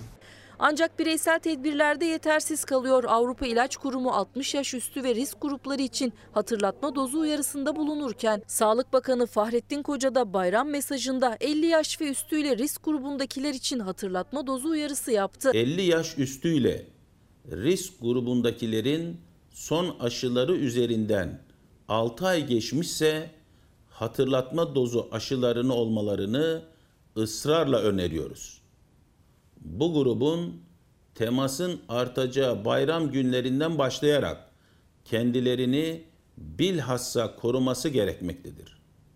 Maskeyi zaruri kılan durumları hepimiz biliyoruz. Uzmanlara göre de aşılama acilen hızlanmalı. Özellikle turizm bölgelerinde PCR testi geri gelmeli. Eylül-Ekim ayından sonra özellikle tekrar kışa döndüğümüz dönemlerde omikronun da tekrar kendini yenilemesi ya da değiştirebileceğini varsayarak aslında yeni aşılara ihtiyacımız olduğunu bu noktada rapellere ihtiyacımız olduğunu zaten biliyoruz. Hastalığın yoğun olduğu bölgelerden gelen e, insanlara bu PCR zorunluluğu veya hızlı test zorunluluğu getirilebilir. Uzmanlara göre tedbirsizlik devam ederse salgında zor günler geri gelebilir. Enteresan bir e, vurdum duymazlık var. Anlamıyorlar, anlamak istemiyorlar, kabul etmiyorlar. Çok zor işimiz.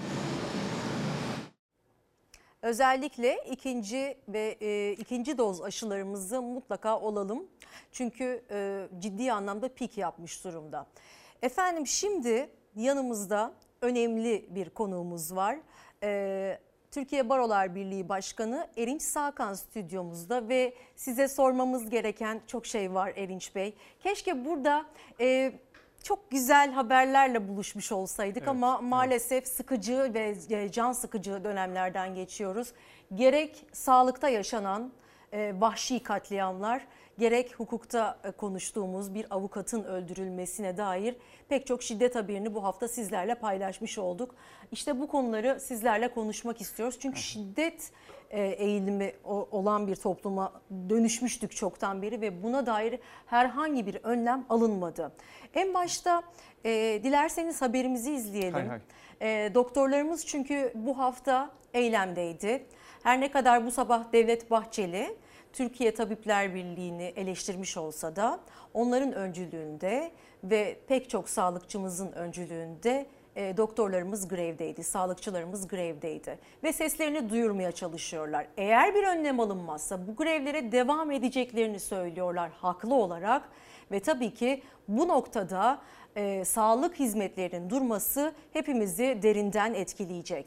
Şimdi onların seslerini duyurmak istemelerindeki sebebi izliyoruz. E, tabii ki Dok- Doktor Ekrem Kara- e, Karakaya'nın e, görev başında öldürülmesi sebebiyle sokaktalar ama uzun zamandan beri zaten çözülmeyi bekleyen problemleri var. İmzalalım biz. Bir çelenk imzalalım. 2 3 kişi yürüdü. Kimsenin kılına zarar geldi mi? Buna bak ediyorsun. Ne demek uyalım? Konya'da görevi başında öldürülen Doktor Ekrem Karakaya'nın ardından seslerini duyurmak isteyen, sağlıkta şiddete son demek için grev kararı alan doktorların iş bırakma eylemlerinin ikinci gününde bu kez de Ankara'da Sağlık Bakanlığı'na siyah çelek bırakma hamleleri polis engeline takıldı. Bir gün önce İstanbul'da sağlıkçılara müdahale etmişti polis. Bu kez de el konulan çelengi geri alamayan hekimler oturma eylemi yaptı. Polisi de protesto etti. Eğer gerekli önlemi almazsanız biz alacağız. Ve bilin ki sizi sizi bırakacağız. Sen vardın hastaneden boş döndün. İğne yapılacak. Oğlum ölecek elinde. Doktor da dedi ki bugün grevdeyiz. Öldürmez misin sen? Dövmez misin? Sövmez misin? Türkiye Konya Şehir Hastanesi'nde katledilen doktoru sağlıkta şiddeti konuşurken Konya'da bir cami imamının cuma hutbesinde sağlık çalışanlarının iki günlük grev kararını eleştirirken kurduğu sen olsan öldürmez misin cümlesi tepki çekti. Yani bu neyi getirir? Daha fazla doktorların öldürülmesini getirir ya. Tahriktir ya. Herkes kardeşim. Konya Şehir Hastanesi'nde bir doktor alçakça şehit ediliyor. Aynı Konya'da bir imam hak arayan doktorlar için sen olsan öldürmez misin diye vaaz veriyor.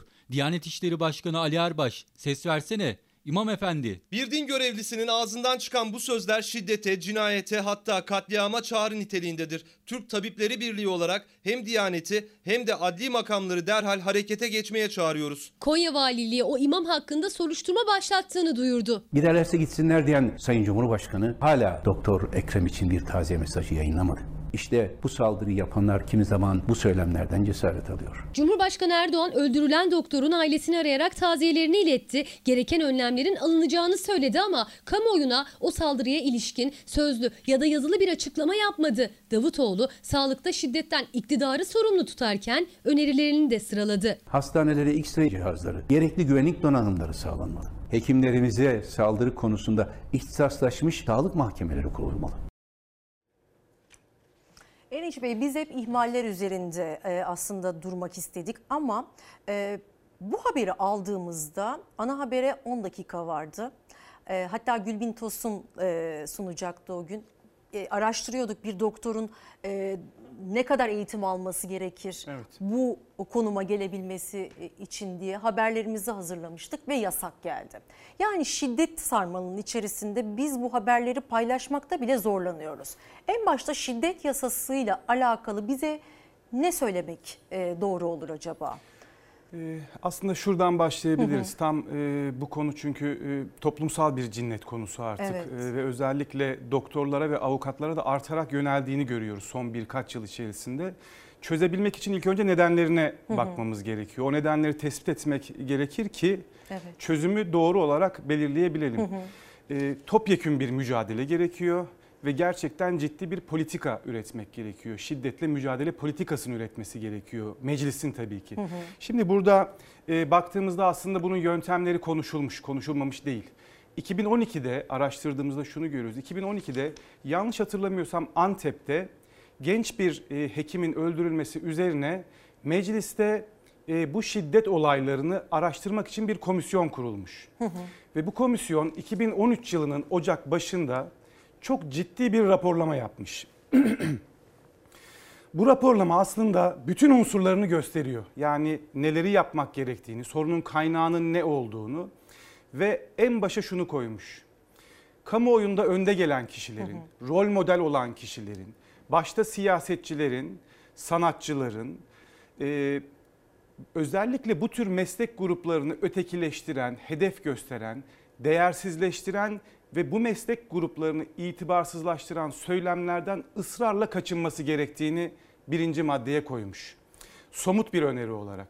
Devamında da e, daha e, başka unsurlara da değinmiş. Aslında bunun eğitimden başlayan bir sorun olduğunu, ilk öğretimden itibaren bu konudaki farkındalık çalışmalarının yapılması e, gerektiğini, kamu spotlarıyla vatandaşın bilgilendirilmesi gerektiğini, Evet. buna ilişkin ciddi bir çalışma ortaya konulmuş.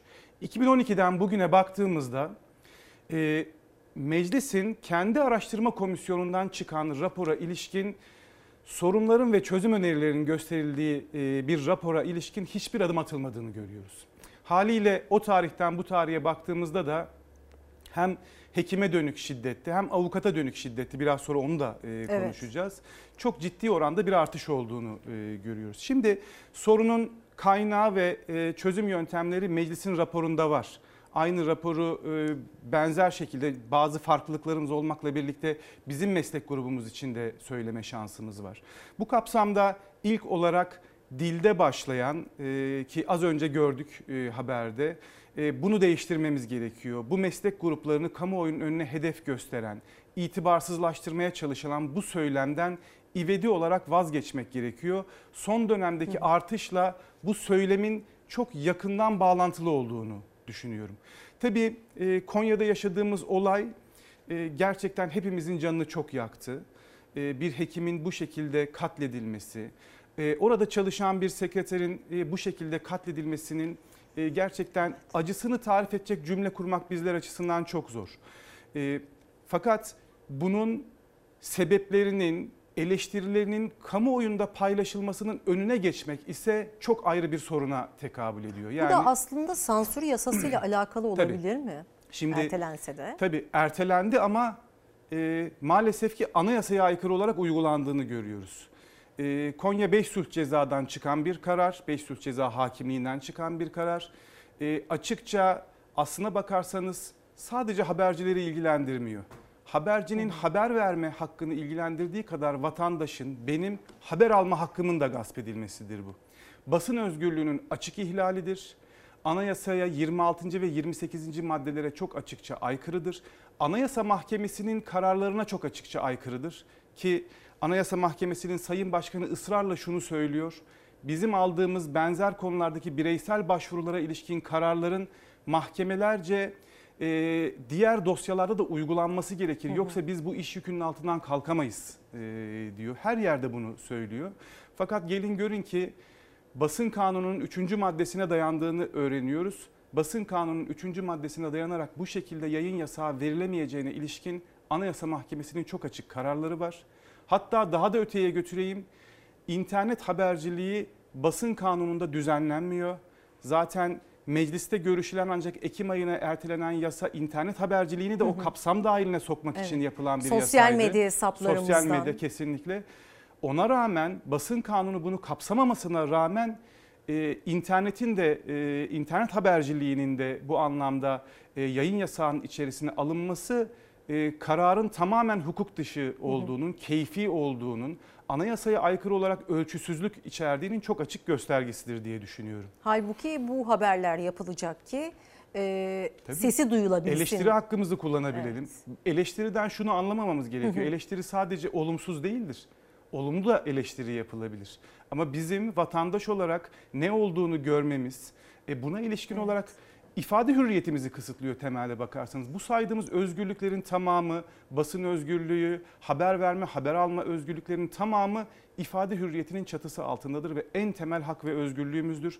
Anayasaya aykırı olarak maalesef ki bir mahkeme kararıyla şu anda açıkça hukuka aykırı şekilde kısıtlanmış durumda. E tabii biraz ertelenme mevzusu var ama konu kapanmış değil. Yani e, biz de burada konuşuyoruz ve haberlere dair e, yorumlarımızı getiriyoruz ama bunlar bizim meselemiz değil. E, bizim görevimiz olduğu için tabii Türkiye'de pek çok kanalda yapılmadığı için belki bazen sivrilmiş olabiliriz ama e, önemli olan gazetecinin ve habercinin önemli olan görevi e, ve yapması gereken görev çözülmesi gereken problemleri masaya yatırarak buradan toplumla paylaşmaktır. Toplumun görmediği e, her detayı sizlerle paylaşmak adına bizler bu haberleri vermek durumundayız. Ama bu sansür yasası da anladığım kadarıyla Evet. kapanmış değil. Değil. Belki seçim sonrasına mı ertelendi diye. Aslında evet aslında e, bu örnek e, bize neyle karşı karşıya olduğumuzu çok net gösteriyor. Hmm. Bu yasa kanunlaşırsa çok daha ağırını e, göreceğiz. Seçim Somut döneminde mesela göreceğiz. daha çok görüş bildiriyor ya tabii ki Evet. insanlar ve toplum, vatandaş, sosyal medyada, Twitter'da örneğin hepimiz yorum getiriyoruz. Buna karşı alınmış bir önlem olabilir mi hükümet tarafından? Tabii bu algının doğması son derece normal, doğabilir. Ee, Ben de hissettiğim bu algı zaten. Neden doğuyor? Şimdi bir şiddet vakası var. Ee, doktora dönük bir şiddet vakası var. Evet. Hekime dönük ve e, yine bir sağlık çalışanına e, dönük bir şiddet vakası. Bunun paylaşılmasından neden korkarsınız? E tabii insanın aklına ilk gelen şey oradaki eleştirilerin, isyanın, e, işte bazı yetkililere dönük, oradaki valiye dönük veya bakana dönük eleştirilerin kamuoyunda görülmesinin, konuşulmasının, bu eleştirinin kamuoyuna, geniş kitlelere yansımasının önüne geçmek. E, bundan başka bir anlam çıkartma şansımız bulunmuyor. Neden bulunmuyor? Çünkü bir mahkeme kararı var elimizde ve o mahkeme kararı hukuka aykırı olduğu gibi hukuka aykırı olmakla birlikte içerisine bir gerekçe de yazmıyor. Şimdi bir gerekçe yazsa anlayacağız. Yani Dese bir ki, devlet sırrı ifşa edilmiyor e, orada. tabii ki. Şimdi kamu güvenliği mi söz konusu? Kamu güvenliğini neden ihlal eder böyle bir olaya ilişkin e, yayın yasağı? E, hangi gerekçeye e, yaslanıyorsunuz? Hiçbirisi burada belirtilmiyor. Bazı çerçeve maddeler var. İşte 26 Anayasa 26 28 Basın Kanunu 3'e 2'de düzenlenen çerçeve metinler var. Oradaki e, beyanların aynısını alıp karara koymak şeklinde bir e, mahkeme kararı. Haliyle biz bunun sebebini anlayamadığımızda yorumumuz az önce sizin yaptığınız şekilde daha çok kamuoyunun bu konudaki eleştiri hakkını kullanmasının, yaşananları olup bitenleri öğrenmesinin önüne geçmek amaçlı bir mahkeme kararı olarak e, görünüyor. Bu tespiti şundan dolayı da yapabilirim. E, sonuç olarak bizde soruşturmaların gizliliği esastır. E, ceza muhakemesi kanunumuz uyarınca yürütülen bir soruşturmada temel olan o soruşturmanın gizliliğidir. Ve burada en temele de şüphelilerin lekelenmeme hakkı konulur ve bir tarafa da aynı şekilde delillerin karartılmaması e, gerekçesi konulur. Ancak soruşturmanın gizliliğini ihlal zaten bizim Türk Ceza Kanunumuzda ayrı bir suç tipi olarak düzenlenmiştir. Yapılan haber, paylaşımlar o soruşturmanın gizliliğini ihlal ediyorsa zaten bir yıldan 3 yıla kadar alt sınırı olan bir suç tipi söz konusu. Haliyle ayrı bir yayın yasağı dayanağı getirmek açıkçası hukuki bir soruşturmayı koruma yöntemi olarak kimse bize anlatamaz. Evet. Bu çok açıkça sansürdür. Basın özgürlüğünün ihlal edilmesi suretiyle vatandaşın da haber alma hakkının engellenmesidir. Başka bir açıklaması hukuki olarak bizim açımızdan bulunmamaktadır. Ve aynı zamanda e, doktorlarımızın ve sağlıkçılarımızın yaşadığı problemlerin de gündeme gelmemesiyle de e, aslında sebep olan bir durum söz konusu. E, Yani baktığımızda tabii ki istatistiklere mesela Türkiye Tabipler Birliği'nin verilerine göre geçtiğimiz yıl 59 doktor, 59 sağlık çalışanı yurt dışına gitmek adına başvuruda bulunmuşken bu yıl 1171 e, sağlıkçımız yurt dışına gitmek adına başvuruda bulunmuş. Yani bu da aslında apaçık gösteriyor Tabii, e, kaygıyı sorunların gösteriyor. Gelecek maalesef. kaygısını da geçti Evet. artık. Yaşam hakkı kaygısını Evet. aslında gösteriyor Ee, bizlere. Yani e, sağlıklarını bırakın, e, insanca yaşama hakkını da geçin. Can güvenliği konusu söz konusu. Evet, yani evet. öldürülebiliyor bir doktor görevi başındayken ama aynı şey e, avukatlar için de geçerli. Evet, evet, maalesef. Bir davayı takip ederken maalesef bu e, haftada böyle bir duruma e, tanıklık ettik. Hatta bununla alakalı da bir e, haberimiz var mıydı Zeray? Evet, haberimiz hazır. Neler olmuştu hukuk penceresinden bakacağız şimdi de. Çünkü şiddet sarmalının içerisinde sadece sağlık çalışanları ve doktorlarımız yok. Hukuk camiası da korkunç bir cinayetle sarsıldı. Silahlı yaralanma sebebiyle daha önce cezaevine giren bir cani, yaraladığı kişinin ailesinin tazminat davası açtığını öğrenince çifte cinayet işledi. Hem davayı açan kadını hem de avukatını öldürdü. Barolar kaybettikleri meslektaşlarının ardından ses yükselttiler ve duruşmaları boykot etme kararı aldılar. Aynen sağlıkta olduğu gibi hukukta da sıkıntılı süreçler yaşıyoruz.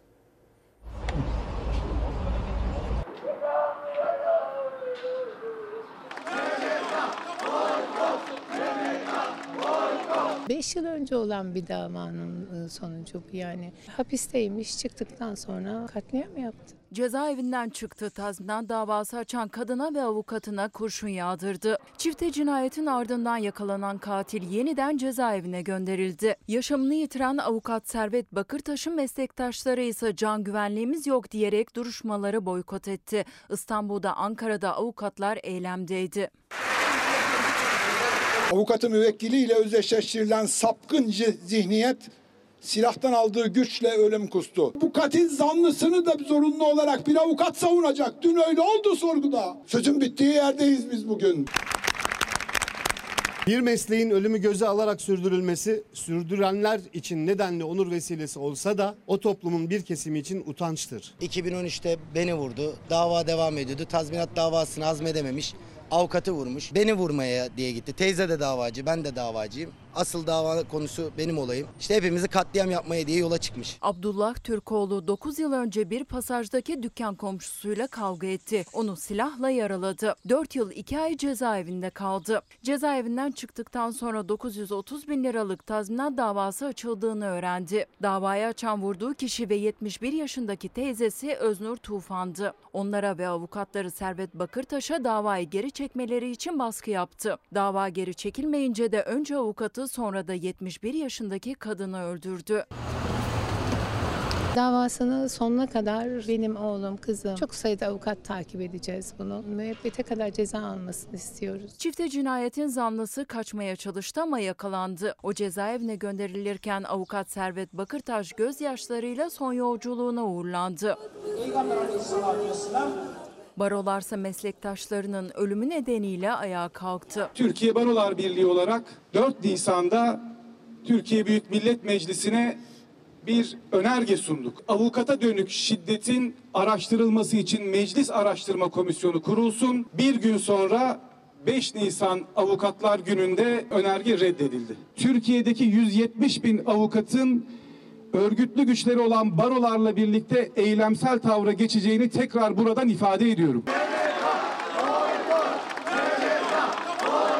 İki günlük boykot çağrısında bulundu avukatlar. Perşembe olduğu gibi Cuma'da duruşmalara girmeme kararı aldılar. Duruşmaların boykotundayız.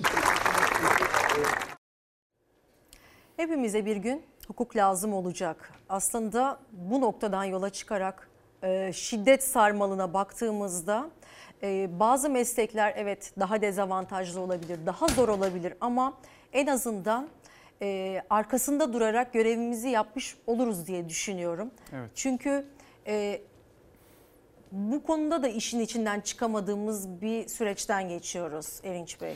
Evet son olarak e, meslektaşımız e, avukat Servet Bakırtaş Hı hı. e, ve müvekkilini kaybettik ve e, aslına bakarsanız cinayet sebebini az önce e, haberde de gördük. Tamamen meslektaşımızın e, görevini yaptığı konuyla ilgili olarak açtığı bul, açtığı davayı geri çekmemesi üzerine e, işlenen bir cinayetten bahsediyoruz. Yani görevi sırasında ve göreviyle ilgili e, bir Evet. cinayet.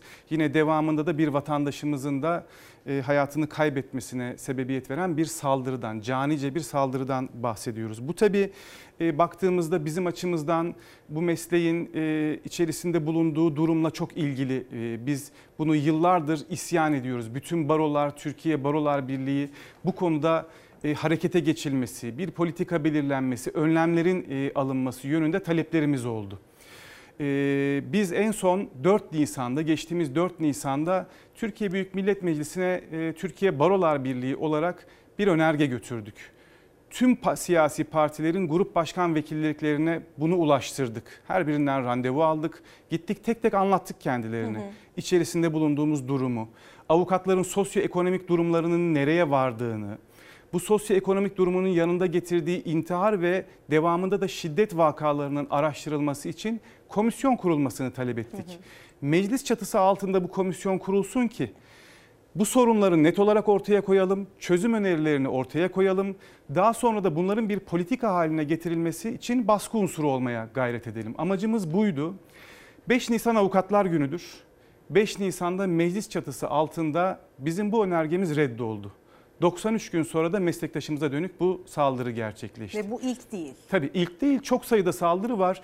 Çoğu zaman e, bu saldırılar e, basit tıbbi müdahaleyle giderilebilecek nitelikte olabiliyor veya daha ağır kemik kırıklı yaralamalar olabiliyor ama çok haber olmuyor. Görünür de kılamıyoruz maalesef.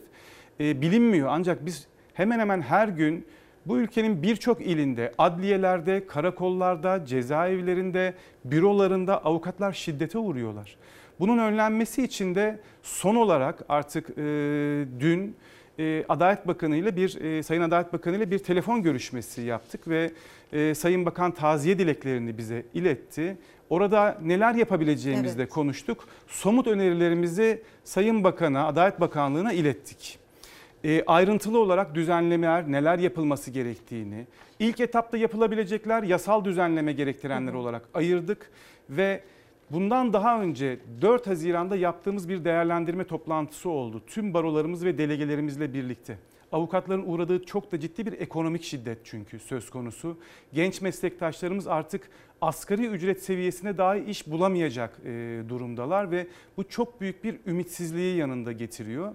Buna ilişkin önlemlerin ve avukata şiddete dönük e, önlemlerin ivedi olarak alınmasını, bunların artık somut e, çabalarını ve düzenlemelerini görmezsek eğer biz de yeni adli yılla birlikte e, anayasadan kaynaklanan demokratik haklarımızı kullanacağımızı, bunun içerisinde tabii ki toplantı, gösteri yürüyüşü gibi unsurlar olmakla birlikte boykot ve diğer hizmet kanallarımızı kapatmanın da dahil olduğunu açıkça ilan ettik. Şimdi biz başvurularımızı yaptık Sayın Bakanlığa, meclise artık avukatların bu sorunlarına e, çözümüne dönük somut adımları görmek istiyoruz. Evet. Bunların yapılmaması bizler açısından artık bu mesleğin de yapılamayacağı bir maalesef ortamı hayata geçirmiştir. Gereğini meslek örgütleri, barolar ve Türkiye Barolar Birliği olarak yapmakta son derece kararlıyız. Ama bir yandan da e, ülkemizde eylem hakkı, grev hakkı, boykot hakkına dair de Evet. tartıştıklarımız var ve bunu en çok yaşamış kişilerden biri sizsiniz. Çoklu baro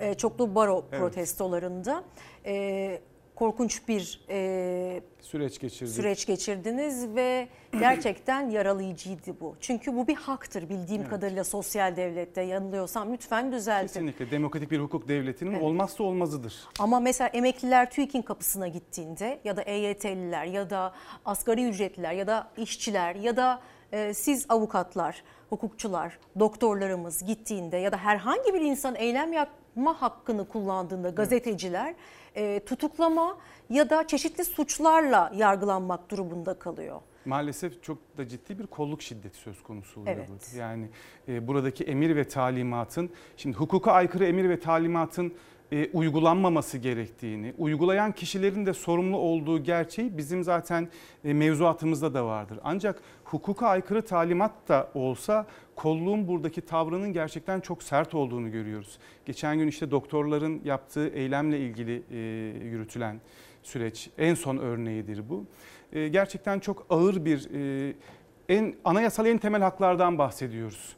Bir konuya ilişkin eleştirinizi sokakta barışçıl, herhangi bir şekilde birine, bir unsura, bir mala zarar vermeden barışçıl olarak eleştirme hakkınızın elinizden alındığını ve hatta daha da öteye götüreyim bunu. e, bu kişilerin eylem yapmak için e, sokağa çıkan insanların, vatandaşlarımızın aynı zamanda terörize edilen bir e, ve hedef gösterilen bir yöntemin e, yaşatıldığını görüyoruz. E, bütün e, bu tür etkinliklere, eylemlere muhakkak ki bir başka unsur eklenerek işte provokatörler var, işte bunlar zaten terörist, işte bunlar şöyle yapıyorlar gibi algıyla maalesef ki insanları sokakta hakkını aramanın sanki bir suç olmuş gibi bir e, anlayışa e, sürüklendiğimizi görüyoruz. Yani onu bırakın mezuniyet törenlerinde bile e, başka gruplar var diyerek e, yıllardır hiç ara verilmeyen e, ODTÜ mezuniyeti ve diğer üniversitelerimizdeki Boğaziçi üniversitelerindeki mezuniyetler bile e, maalesef yapılmadı bu yıl. Evet. Ciddi anlamda e, geleneklerimizi de kaybettiğimiz bir süreçten geçiyoruz. Tabii ki son Kurumların olarak içinin ODTÜ e, mezuniyet Evet. töreninin ki yıllardır devrim stadyumunda e, yapılır. Eleştiriler de olur onun içerisinde. Güleriz de e, bazen. E, Pankartlarla. Son derece zekice hazırlanan e, pankartlar e, vardır. Hayranlıkla da seyrederiz ama orası bir şenliktir. Evet. Yıllarca emek vermiş, gerçekten de çok zor bir üniversite. Yıllarca emek vermiş öğrencilerin o mutluluğunu e, rektörlüğün böyle çok e, kabul edilemez bir e, gerekçeyle farklı unsurlar katılabiliyor. İşte eleştiri olacak burada. E, o sebeple biz burayı iptal ediyoruz demesini anlamak e, mümkün değil. ODTÜ'ye girişlerin ne kadar e, sıkı kontrole tabi olduğunu hepimiz biliriz Ankara'da. Öyle elinizi kolunuzu sallayarak giremezsiniz. Muhakkak ki kontrolleri yapılır girişte. Haliyle bu açıkça farklı unsurların girmesi değil. Farklı görüşe ben tahammül edemiyorum diyor rektörlük. Farklı unsurlar değil. Maalesef ki farklı görüşe tahammül edemiyorum. Ben eleştiriye tahammül edemiyorum diyor aslına bakarsanız. Bu eleştirinin de görünür olmasına hiç tahammül edemiyorum. O yüzden de burayı iptal ediyorum. Kongre ve Kültür Merkezi'ne daha küçük kapsamlı e, bir e, dostlar alışverişte görsün ya da yapmadık dememek adına yapılan maalesef ki bu kadar ciddi bir geleneğin bir kararla ortadan kaldırıldığı bir süreci yaşıyoruz. Hı hı. Ve en e, benim açımdan ızdırap verici olan da şudur. Bu tür hak ihlalleri her ülkede olabilir. Her ülkede olabilir. Oluyor da. Ama bunlara dur diyen bir yargı sistemi var. Maalesef biz o sistemi kaybettik. Artık bu tür hak ihlallerine dur demiyor yargı. Hatta az önce konuştuğumuz Konya örneğinde olduğu üzere bu tür hak ihlalleri maalesef ki bazen bizzat yargı eliyle yaratılıyor. Evet. Geldiğimiz noktadaki en büyük sıkıntımızın da bu olduğuna inanıyorum. Bizim sırtımızı yas- yaslayabileceğimiz, ya bir haksızlık varsa da yargı var diyebileceğimiz bir düzenden hızla uzaklaştık. Evet. Diliyoruz ki mücadelelerinizle birlikte ve e, Türkiye Barolar Birliği Başkanı olarak e, direncinizle birlikte yeniden kaybettiğimiz hukuk e, ülkesini ve haklarımızı kazanırız. Hep birlikte kazanmak zorundayız. Ben e, eğer kapatıyorsak bu vesileyle tüm yurttaşlarımızın da bayramını e, kutlamak istiyorum. Sağlıklı, huzurlu, keyifli bir bayram geçmesi dileğimle. Çok teşekkür ediyoruz. Şimdi bir reklam arası dönüşte tekrar buradayız. Tekrar günaydın efendim. Bayram dileğim etiketiyle bugün yine başladık. İyi bayramlar. Ee, büyüklerimin ellerinden öpüyorum. Küçüklerimin yanaklarından öpüyorum. Ve hastalara şifa diliyorum. Evladını kaybetmiş olan ya da e, ebeveynini kaybetmiş olan evlatlara e, iyi bayramlar diliyorum en başta. Ve tabii ki sağlıkçılarımıza ve hizmet vermeye devam eden e, bu bayram gününde bizim gibi çalışan tüm emekçilerimize en başta iyi bayramlar dilemek istiyorum. E, kurban pazarlarına gideceğiz şimdi. Yoğunluk aslında e, geçtiğimiz yıllara oranla tabii ki daha düşüktü. Ama Arife günü de devam etti diyebiliriz. Tabii ki elde kalan e, kurbanlıklar olacak ama manzaraları en azından sizlerle paylaşmak istiyoruz. Müşteri geliyor, müşterinin gücü yetmiyor. Maliyetler arttı. Soran gidiyor, soran gidiyor. Soran gidiyor, alıcı da yok. Ama ne hikmetse uzaya gidiyoruz diyorlar. Uçuyoruz diyorlar. Bizim niye haberimiz yok? Bundan bilmiyoruz. Vallahi baktık, billahi baktık.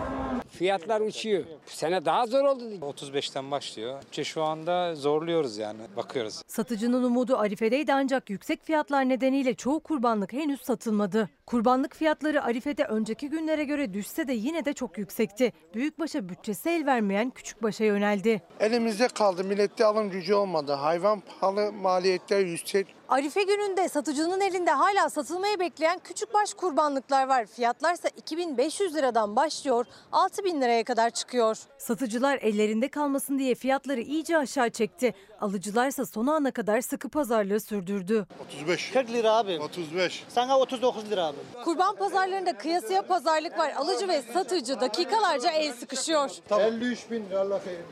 Bütçemiz yok ki. Bu sene bütçe mi kaldı abla? Bizim girdilerimiz bize samandır, yemdir, yol parasıdır, çadır parasıdır. Ekstra masraflarımız bizim yüzde 400 artmış. Geçen sene ben bu hayvanı 25'e satarken bu sene 45'e, 50'ye, 55'e satmaya çalışıyorum. 3 milyon 400 Geçen sene 130 milyon idi. Geçen sene ben bu koyunu 2200 lira veriyordum. Şimdi 2400'e veremem.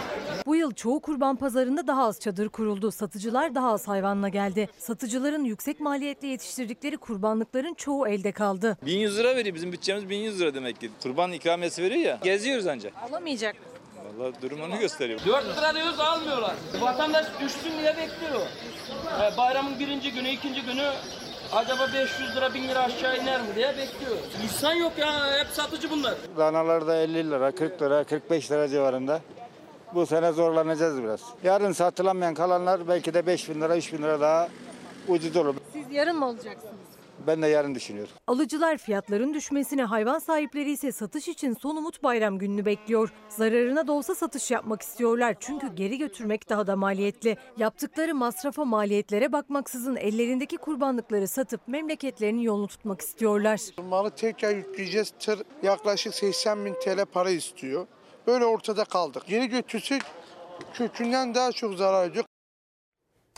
Tabii en kötüsü de e, sadece e, yılda bir kez bu kadar e, çok hayvanı e, satarak tüm geçimini sağlayan, e, hayvancılıkla uğraşan emekçilerimizin e, yeteri kadar satış yapamaması oluyor genellikle Kurban Bayramı sonunda. Çünkü kurban pazarlarında elde kalan e, hayvanlarımız onların gelir kaynağı.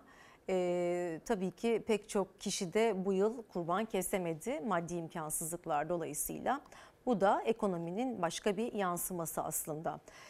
Ee, efendim biraz daha aslında paylaşmak istediğimiz sizlerle e, haber var. Şöyle ki Cumhuriyet Gazetesi'nden çarpıcı bir analiz gelecek şimdi. İlk detayımız gelsin İrfancığım. Başkanlığın 4 yıllık enkazı başlığıyla karşıladı bugün e, Cumhuriyet Gazetesi bizi.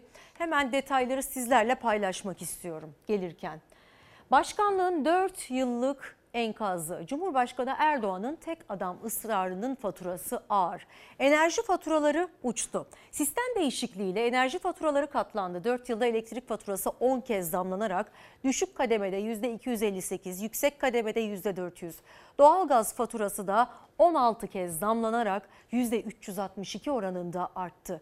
Tam 125 ekmek eksik kaldı. Maaş artışına karşın emeklilerin alım gücü düştü. Emeklilerin Ocak 2022'deki 2500 liralık maaşla alabildiği 1000 ekmek 875'e, 250 paket makarna 166'ya, 31 kilo kırmızı et 23 kiloya ve 257 litre süt 205 litreye kadar geriledi. Halkın borcu tavan yaptı. 9 Temmuz 2018'de Cumhurbaşkanlığı hükümet sistemine geçti Türkiye.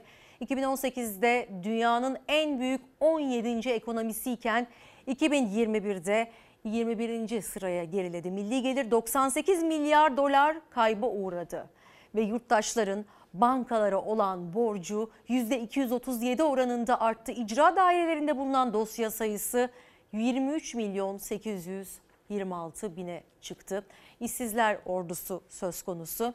Aslında bu sistemi ve bu yaşadığımız enflasyonu, ekonomik krizi konuşurken sistemdeki bozuklukları konuşmamız gerektiğini her defasında vurgulamaya çalışıyoruz. Demek ki işlerde ters giden bir şey var. 2018'den bu yana eğer bozulma başladıysa demek ki tutmayan bir sistem var. Bunu bilimsel olarak akademisyenler bu işe, e, ekonomiye gönül veren, hayatını adayan profesörler söylüyor. Bizler de sizlere iletiyoruz. Yani demek ki arıza var problemde ve alarm veriyor. İnatla aslında bazı şeylerin düzeltilmemesi adına e, beklenilmesi açıkçası kendi adıma canımı sıkıyor. Bu da e, fatura olarak hepimizin karşısına çıkıyor maalesef ki. KPSS'den yüksek puan alıp sözü mülakat, sözlü mülakatta elenen öğretmen adaylarını yargı haklı buldu efendim. Mahkeme Milli Eğitim Bakanlığı Mülakat Komisyonu'nun objektif davranmadığına karar verdi. İşte bir hukuk arızası daha. Mülakata Eğitim bilimleri ve genel kültür bilgisine verilen puanla komisyon başkanı ve üyeleri tarafından yapılan değerlendirmelerin tutarlılık göstermediği sonucuna varılmıştır. Yürütmenin durdurulmasına kesin olarak karar verildi. Mahkeme adaylara aynı komisyon önünde bir kez daha şanslarını deneme hakkını vermiş oldu. Yazılı sınavlarda yeterli puan alıp sözlü mülakatlarda verilen düşük puanlarla elenen öğretmen adaylarının itirazlarını mahkemeler haklı buldu. Mülakat Komisyonu'nun objektif davranmadığını yazdı kararına. Davayı kazanan adaylara ikinci mülakat hakkı tanıdı. KPSS sınavında 80 puan, 90 puan, 95 puan alan evlatlarımızın sözlü sınavlarda, mülakatlarda elendiğini duydum. KPSS'de yüksek puan alıp mülakatta elenen öğretmen adaylarının sesini duyurmak için CHP lideri Kılıçdaroğlu Milli Eğitim Bakanlığı'nın kapısına gitmişti. Bakansa mülakatlardaki düşük puanları savunmuştu. Yüksek puan alan KPSS puanı alan birisi düşük puan alamaz mı ya? Bu bizim müdahalemizde olan bir şey değil. Beni neden elediniz? Bunu öğrenmek istiyorum. Tek istediğim bu çünkü benim hayallerim vardı, ümitlerim vardı. Müvekkil KPSS'de 79 puan almış, mülakatta ise yönetmelik gereği 5 tane olan soruların tamamına doğru yanıt vermiştir. Ancak açıklanan sonuçlarda müvekkile 55 puan verilerek başarısız sayılmıştır. Mülakatlarda düşük puanla elenen öğretmen adayları haksızlık var diyerek dava açtı. Mahkeme dosyasına mülakat komisyonunun puanlama listeleri de girdi. Adayların eğitim bilimleri ve genel kültürden 20 tam puan aldıkları ancak yoruma dayalı sorularda 1, 2, 3 gibi düşük puan verildiği o listelerde açıkça görülüyor. Yerel ve bölge idare mahkemeleri de öğretmen adaylarını haklı bulduğu kararında buna dikkat çekti. Eğitim bilimleri ve genel kültür bilgisi yönünden davacıya tam puan verilmesine karşın bir konuyu kavrama, özetleme, ifade yeteneği ve muhakeme gücü yönünden tam puandan oldukça uzaklaşmasının objektif kriterlerle ortaya konulamadığı sonucuna varılmıştır. Mahkeme değerlendirmenin özü olan somut gerekçelerin açıklanmadığını belirterek sınavın yürütmesini durdurdu. Mahkeme, mülakat komisyonunun yoruma dayalı sorularda neden düşük puan verdiğine ilişkin gerekçe sunmamasına dikkat çekti. Komisyonun adaylar için kendini iyi ifade edemedi, aday çok heyecanlıydı açıklamalarını da yetersiz buldu. Mahkemenin yürütmeyi durdurma kararı sonrası davayı kazanan adaylar bir kez daha aynı komisyon önüne çıkacak. Mülakatlar tekrarlanacak. İstanbul Ticaret Odası ekmeğe zam geldiğini açıkladı. Bu da bayramın tatsız haberlerinden biri oldu tabii ki. Paramızın yarısını ekmeğe veriyoruz. Bir de kalabalık aileyi düşünün. 210 gram ekmek tarife olarak 4 lira oldu. Vaziyet bu. Hayat şartları zor. Mecbur alıyorsun. İstanbul'da zaten birçok ilçede fırınlar ekmeği 5 liraya satmaya başlamıştı. İstanbul Ticaret Odası'na bağlı fırınlarda da ekmeğe zam geldi. 210 gram ekmeğin fiyatı 3,5 liradan 4 liraya çıktı. Tüketici zamdan dertli. Maliyeti katlanan fırıncılara göre yeni zamlar kapıda. 4 lira bile çoğu firmaları şu anda bizi kurtarmıyor zaten. 5 lira çalışması bile bayramdan sonra 5 lira olacak. Fırında 5 lira. 5 lira ekmek olmaz. İstanbul'da ekmek fiyatları uzun zamandır tartışılıyor. Çünkü iki farklı tarife var. Biri Fırıncılar Odası'na bağlı fırınlar için geçerli, diğeri ise İstanbul Ticaret Odası'na. İstanbul'da birçok fırında 4 lirayla 5 lira arasında değişiyor ekmek fiyatları. Yeni açıklamaya göre İstanbul Ticaret Odası'na bağlı fırınlarda ekmeğe zam geldi. 210 gramlık ekmeğin fiyatı 4 lira oldu. Fırıncılara göre zam kaçınılmazdı. Nedeni de başta un, maya ve yakıt olmak üzere artan üretim maliyetleri. 500 liraya depo dolduruyorduk. Şu anda 2000 liraya depo dolduruyoruz. Biz geçen sene alıyorduk 155 ile 160 arasında un çuval alıyorduk. Şu anda 570 60 liraya 70 liraya aldığımız mayayı şu anda 230 240 liraya alıyoruz. Fırıncı çaresiz kalıyor. Yani yapacak başka bir şeyi yok. Tepki var. Niye aa ekmek 4 lira mı oldu? İnanın artık o kadar çok askıda ekmek soran oluyor ki insanlar zor durumda. Ekmek zammı fırınlarda askıda ekmek uygulamasına ilgiyi artırdı. Hatta fırınlarda dünden kalan ekmekler 1,5 liraya satılıyor. Yani bu bayat ekmekleri daha uyguna almak isteyenlerin sayısı da arttı. Ucuz ekmek kuyrukları da her geçen gün uzuyor. Fırınlarda 4-5 liraya ekmek almaya gücü yetmeyen halk ekmek büfelerine akın ediyor. İstanbul Büyükşehir Belediye Başkanı Ekrem İmamoğlu yüksek maliyete rağmen halk ekmeğin 2 liraya satılacağını duyurdu. Halk ekmek büfelerine ilgi çok büyük. Burası Koca Mustafa Paşa'da bir halk ekmek büfesi ve günde 6000 ekmek satıyor bu büfe. İşte şu anda da 1500 ekmek daha geldi. 6 tane aldım. Fırından alsaydınız ne kadar verirdiniz? Ne kadar? 6 kere 5 30 verirdim. 12 verdim buraya. Pınar Turak'ta halk ekmek büfelerinden ekmek alan bir tüketici günde 8 ekmek tüketiyor. Bu ekmeklere halk ekmek büfesinden 16 lira verdi ama aynı ekmek sayısını fırından alsaydı 40 lira verecekti. Fırında en son aldığımız 4 liraydı tanesi. E, Biz kalabalık aile olduğumuz için fırından alamıyoruz. Halk ek- ekmeğinden alıyoruz. Çok pahalı vallahi her şey pahalı. Bizim için çok üzücü bir haber paylaşacağız. Ee, maalesef meslektaşımız ve uzun yıllar habercilikte emek vermiş önemli bir gazeteci arkadaşımızı paylaştık. Mehtap Belen'i kaybettik. Anka Haber Ajansı parlamento muhabiri, gazeteci Mehtap Belen bir süredir mücadele ettiği kansere yenik düştü. Ankara Karşıyaka Camii'nde kılınan cenaze namazının ardından Karşıyaka mezarlığında son yolculuğuna uğurlandı. Ee, Meslektaşımıza gani gani rahmet diliyoruz. Onu hep gülen yüzüyle hatırlayacaktır eminim ki tanıyanlar ve sevenleri. Ee, dik duruşuyla her zaman haberciliği en iyi şekilde e, yapmaya çalışan bir meslektaşımızdı ve e, sizlere yıllarca doğru haberleri ulaştırmayı borç bildi. E, Allah rahmet eylesin ve geride kalanlara da tabii ki aileye de sabırlar diliyoruz. Efendim şimdi sırada hangi haberimiz var? Şimdi Çorlu'ya gideceğiz. En başta aslında ben e, gazeteden bu haberi paylaşmak istiyorum.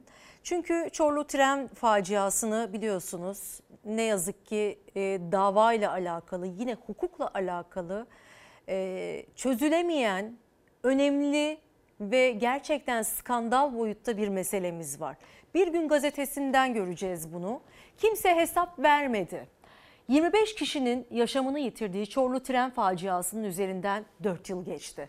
Ve aileler adaletin sağlanmamasına isyan etti. Uzun Köprü'deki anmada konuşan Oğuz Arda'nın annesi Mısra Öz bir kişi bile ceza almadı. Hesabını sormadan ölmeyeceğiz dedi ve ekledi. AKP İstanbul İl Başkanlığından arandım.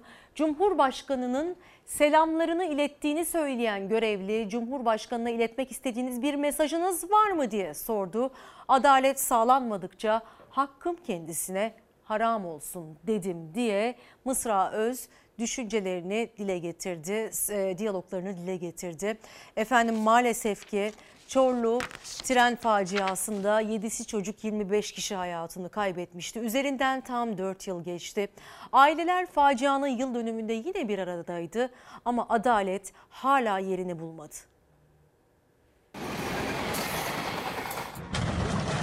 Hasretle anlıyorum. Çok özledik, çok özlüyoruz. Bizim için çok zor bir gün. Hesabını sormadan ölmeyeceğiz. Dört yıldır her gün birbirinden zor hepsine. Kimi evladını, kimi eşini, kimi babasını, hepsi en yakınından birini kaybetti. Çorlu tren kazasının üzerinden 4 yıl geçti. İhmali olanlar cezalandırılmadı. Ailelerin gözü yaşlı kaldı. Biz Çorlu Tren Katliamı aileleri olarak bu yılda sevdiklerimizin kabirlerine ne yazık ki elimiz boş olarak gittik.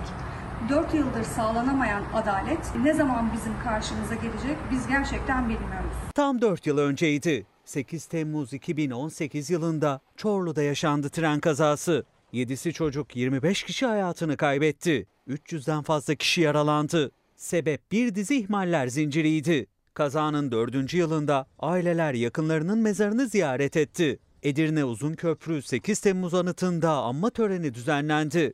Onu o çok sevdiği memleketine bundan 4 yıl önce toprağında uyumaya bıraktım. Mahkeme 4 yıldır sürüyor. 10 duruşma görüldü ama iddianame hala hazır değil.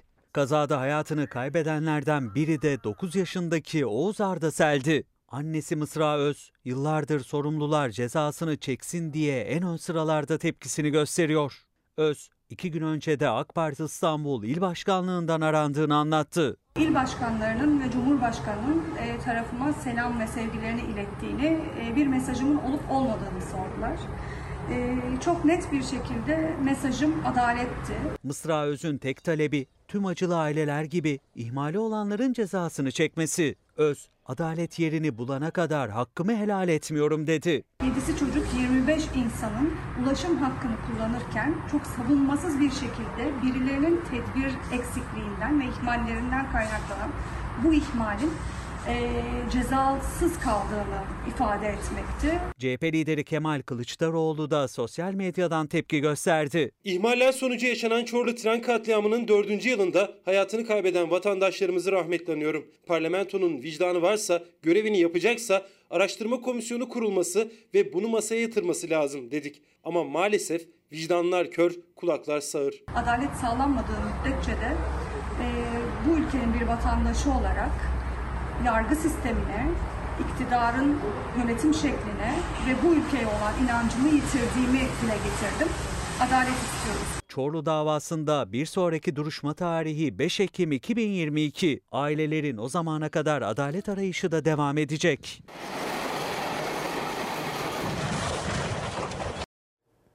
Diliyoruz ki adalet yerini bulsun. Ankara'ya gidiyoruz. Ankara'da Emine Erdoğan ve Aile Bakanı'nın katıldığı Aile Günü şenliğinde koruyucu aileler bir araya geldi. Şu an üç kardeş, dört çocuğumla birlikte yaşamıma mutlu bir şekilde devam etmekteyim. Biz bir çocuğa aile olacağımızı düşünürken aslında onun bizim hayatımıza dokunduğunu, hayatımızı güzelleştirdiğini fark ettik. Evlat kokusunu içine çekebilmek, anne baba kelimesini duyabilmek de en büyük hayalleri ve gerçek oldu. Türkiye'de Can ve Yüksel ailelerinin de dahil olduğu 7212 aile kalplerinde 8723 çocuğa yer açtı. Koruyucu aileleri oldular. Talebim olumlu karşılandı. Üç farklı kardeşten oluşan toplam 9 çocuk farklı tarihlerde yanıma yerleştirildi. Bu 9 çocuğumda bakanlığımız tarafından yürütülen mesleki çalışmalar neticesinde biyolojik aileleri yanına döndürüldü. 2002 yılında 529 çocuğumuz koruyucu ailelerin yanında yaşıyorken bugün 8723 çocuğumuz 7212 koruyucu ailenin yanında sevgiyle büyümektedir. Koruyucu aileliğimiz başladıktan sonra zaman içerisinde çocuğumuzun bir engel durum olduğunu öğrendik. Yavrumuzun tedavisi için elimizden gelenin en iyisini yapmaya çalıştık. Engel durumunun %80'lerden %20'lere inmesini başardık. Özveri, merhamet, sevginin en özeliyle, en büyüğüyle çıktılar yola ve bugün kimi 3 çocuğun anne babası, kimi artık 9 kişilik sevgi dolu bir aile. Çünkü onlar da biliyor anne baba olmak için kan bağına ihtiyaç yok. tüm vatandaşlarımızı bir çocuğumuzun elinden tutmaya davet ediyorum. Bu güzel yavrular yolunu hasretle gözlediğimiz, bilmeden özlediğimiz canparelerimizdir. Kendi ailesiyle hayatına devam etme imkanını herhangi bir sebeple yitiren çocukların bakım ve korunmasını kendi evlerinde sağlayan koruyucu aileler Emine Erdoğan'ın da katıldığı aile günlüğü şenliğinde bir araya geldi. Tabii ki koruyucu ailelik ve kimsesiz çocuklara destek olmak adına e, çeşitli kurumlarla el ele verebiliriz ya da e, sivil toplum kuruluşlarıyla e, onların en azından e, bir masrafına ortak olabiliriz.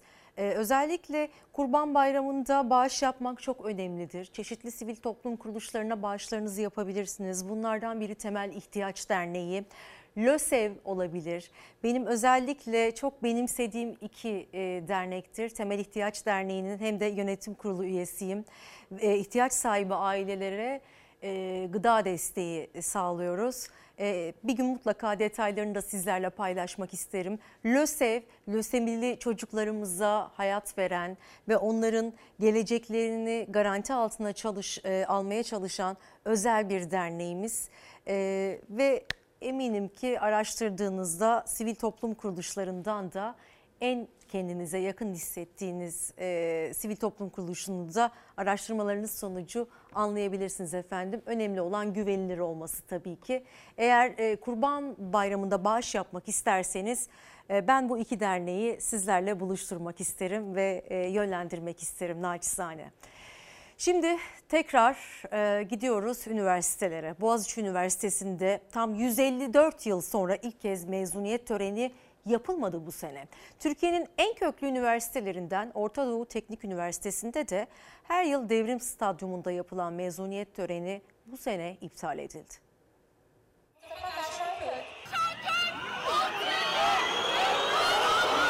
Farklı grupların tören alanımızı kendi amaçları doğrultusunda bir protesto alanına çevireceği yönünde bilgiler almış bulunuyoruz. İşte bu gerekçeyle protesto endişesiyle ODTÜ Rektörlüğü her sene devrim stadyumunda yapılan mezuniyet törenini bu sene iptal etti. Efendim protesto olabilirmiş. Ya olacak. Akademilerde, üniversitelerde protestodan daha doğal ne var? Ya orası üniversite. Farklı fikirlerin konuşulacağı mecradır orası. Kayseri Erciyes Üniversitesi Tıp Fakültesi mezuniyet töreninde hekimlik andını okuyan genç doktorların uğradığı muamele, Hacettepe Tıp Fakültesi'nde akademideki siyasallaşmayı eleştiren, bilim vurgusu yapan yeni mezun doktora dekanın müdahalesi ve Boğaziçi Üniversitesi'nde 154 yıl sonra ilk kez mezuniyet töreninin iptal edilmesi. O halkaya ODTÜ'de eklendi. Orta Doğu Teknik Üniversitesi'nde bir gelenek mezuniyet töreninin devrim stadyumunda yapılması. Mezuniyet heyecanı ve coşkusunun yanında öğrencilerin pankartlarla verdiği mesajlar. Pandemide bile stadyumdaki tören iptal edilmemişti ama bu sene ODTÜ Rektörlüğü mezuniyetin her zaman yapıldığı yerde yapılmayacağını açıkladı. Üniversitemizde son dönemde farklı grupların gerçekleştirdikleri izinsiz toplantı ve eylemlerle farklı, yanlı ve yanlış bir gündem oluşturma veya üniversitemizi çeşitli gruplaşmaların merkezi haline getirme çabası belirgin bir şekilde görülmektedir. Orada öğrenciler üniversite özgür olsun, özel olsun, bilime siyaset karışmasın diyorlar. Bu lafları duymamak için ODTÜ rektörü mezuniyet törenini iptal ediyor. Ey ODTÜ rektörü, ODTÜ'ye bu yasak karasını çaldın ya, seni de not ediyoruz. Rektörlük farklı grupların tören alanını protesto alanına çevireceği yönünde bilgiler aldık dedi. Bu yüzden de devrim stadyumundaki töreni yasakladı. Her fakülte bölüm kendi bünyesinde diploma töreni yapacak. Bayramın, günün en tatlı haberi var sınırda. E, Ferdinand, onu hatırlayanlarınız olacaktır. Ama hatırlamayanlar için de bir hatırlatma yapmak isterim. Ferdinand, 2018 yılında Rize'de sahibinden kaçıp denize atlamış. 3 gün sonra Trabzon'da kıyıya çıkmıştı. Ferdinand'dan sonra şimdi de Mersin'de bir keçi, Karakız ismi, e, kaçmak için denize atladı ve bakın neler oldu. Abi yaklaşık Ofra buranın arası 10 kilometre. Yüzerek buraya geldi. Kesimden kaçan Ferdinand gibi o da çareyi denize atlayıp kaçmakta aradı. Ferdinand'ın hikayesine benzer bir başka hikayenin kahramanı olan keçi Karakız. Ferdinand'a kader arkadaşı olacak. İki kişi daldı, yakaladı, dışarı çıkarıyoruz. Ferdinand 2018 yılında Kurban Bayramı arefesinde Rize'de hayvan pazarından kaçtı. Sahibi boğayı aradı ama hiçbir yerde bulamadı. Tam umudu kesmişken müjdeli haber Trabzon'dan geldi. Kurban Bayramı'nın 3. günü vatandaşlar boğayı kaybolduğu yere 23 kilometre uzaklıktaki Trabzon'un Sürmene ilçesinde deniz kıyısında ıslak halde buldu.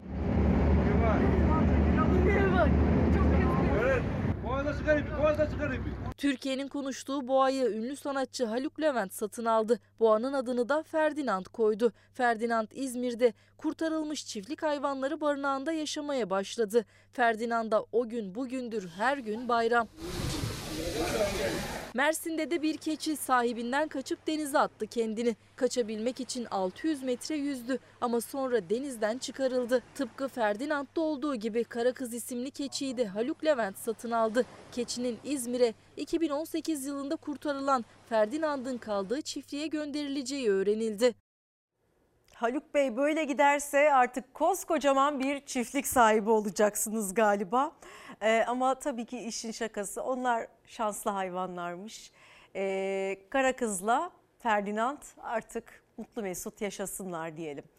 Ee, bu arada lütfen e, kurban kesecekseniz bunu e, hayvanların canını acıtmadan yapın ve belli kurallar çerçevesinde lütfen bu ibadetinizi yerine getirin.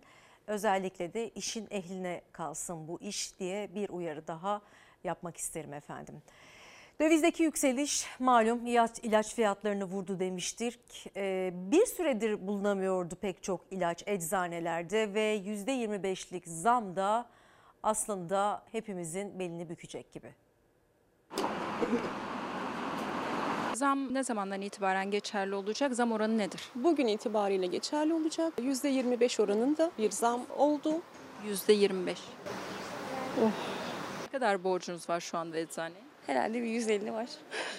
Kredi kartıyla alıyor. Alınca hani ay başından ay başına ödüyoruz ya. Hastalar artık ilaç parasına yetişemeyince ya eczacının defterine yazdırıyor ya da kredi kartıyla alıyordu. İlaca %25 zam daha geldi. Yapılan artışla birlikte e, hasta da kendi e, cebinden yüksek e, paralar çıkacak. Asgari ücrete biraz zam yapıldı ya onu da şimdi oradan telafi edecekler. Bekliyorduk zamları çünkü asgari ücrete de zam geldiği için bir şekilde çıkması gerekiyordu.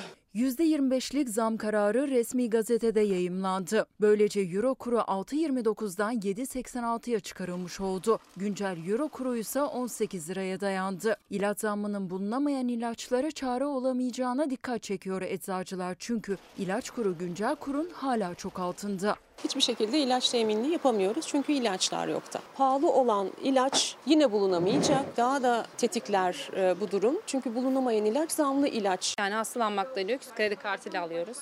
Yani nakit almak şu an imkansız. İlaç fiyatları bugünden itibaren %25 daha pahalı. Bu zamla birlikte bulunamayan ilaçlar daha kolay bulunacak gibi görünüyor. Ancak hastalar o ilaçları %25 daha pahalıya alacak. Ağrı kesici ateş düşürücü şuruplarımız 31.75 gibi bir fiyat ise şu an onlar 40 lira civarı oldu. 23 liradan olan ağrı kesicimiz 30 lira oldu. Göz damlası alıyorum. Bir tane de tansiyon ilacı kullanıyorum. İlaçları da böyle pahalı pahalı oluyor. Ay, Allah'a kaldık. Birçok hastanın imdadına eczacının veresiye defteri yetişiyor. Bir ilacın borcu kapanmadan yenisi ekleniyor. En son %25'lik ilaç zammıyla defter daha da kabaracak gibi görünüyor. Maaşı aldıkça bir kısmını ödüyoruz ama bu sefer tekrar bir yani hastalık çıkıyor. Tekrar ilaç alıyoruz. Yani o kapanmıyor bir türlü. Yapıyoruz 300, ödüyoruz 150. E tekrar ilaç alıyoruz, tekrar çıkıyor bir türlü kapanamıyor yani. Bir ilaç almak gerekirse tekrar yazdıracağız artık. Maaş aldığımız gibi oraya yatırıyoruz. Ondan sonra devam. Yola devam. Yine kredi kartı. Kredi kredi tabii tabii. Hiç elimizde para kalmıyor ki. Efendim şimdi Konya Akşehir'e gidiyoruz. 63. kez uluslararası Nasrettin Hoca şenlikleri düzenlendi ve renkli görüntüler izleyeceksiniz.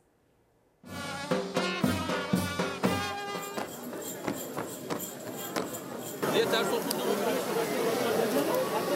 Karıştıralım iyi tutsun. Hadi bakalım. Konya'da düzenlenen 63. Uluslararası Akşehir Nasrettin Hoca Şenliği rengarenk görüntülere sahne oldu.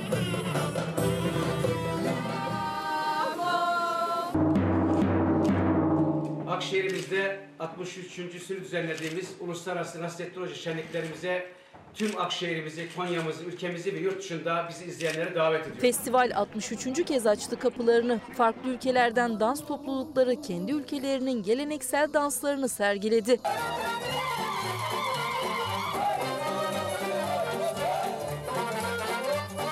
Bismillah. Hadi hayırlı olsun. Festivalde Akşehir Belediye Başkanı Salih Akkaya ve Nasrettin Hoca dilek dileyip göle maya çaldı. Gelenekleri yaşattı. İyi tutsun. Hadi bakalım. Logoyu biraz çeker miyiz? Geçen yıl kuraklıkla ilgili maya çalmıştık. Yağışlar bereketle geldi tuttu. Bir önceki sağlık için çaldık. Pandemi bitti inşallah bu da tutacak. Barış mayası inşallah. Eşeğe ters binen Nasrettin Hoca en güzel gözlü eşeği de seçmeye çalıştı. 5 Temmuz'da başlayan festival 10 Temmuz'da bitiyor. Vallahi eşeklerin hangisi güzel? Eşeği seçmek mümkün değil şimdi. Yani birini seçersek öbürleri bana küser. Eskiden bayramlarda televizyon da farklı olurdu tabii. E, bayram eğlenceleri, özel bayram programları olurdu ve tabii ki Yeşilçam olurdu. Biz de bu anı sizlere ufak da olsa yaşatmak istedik. Bir şarkı eşliğinde işte Yeşilçam'dan muhteşem kareler. Günlerdir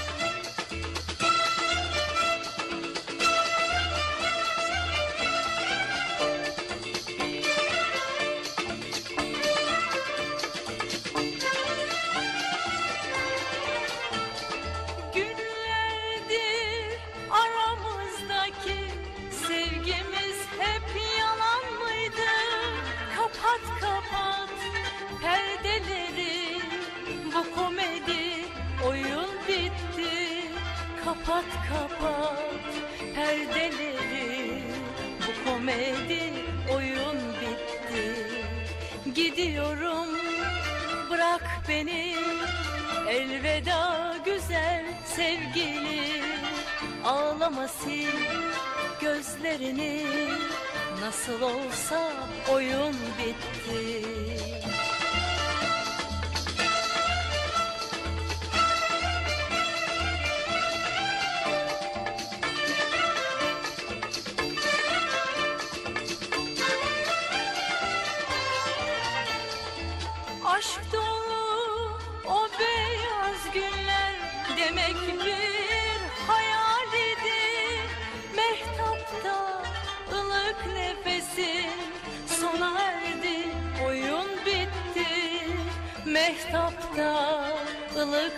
nefesin sona erdi oyun bitti.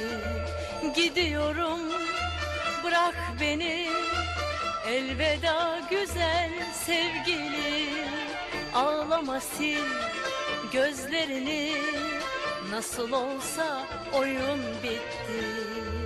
Nasıl olsa oyun bitti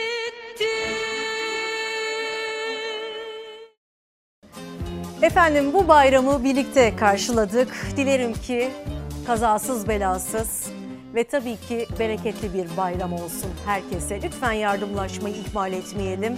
Kurban kesenler lütfen dikkat edin. Hastanelik olmayın. Eğer yolculuk yapacaksanız da lütfen dikkatli e, olun yollarda.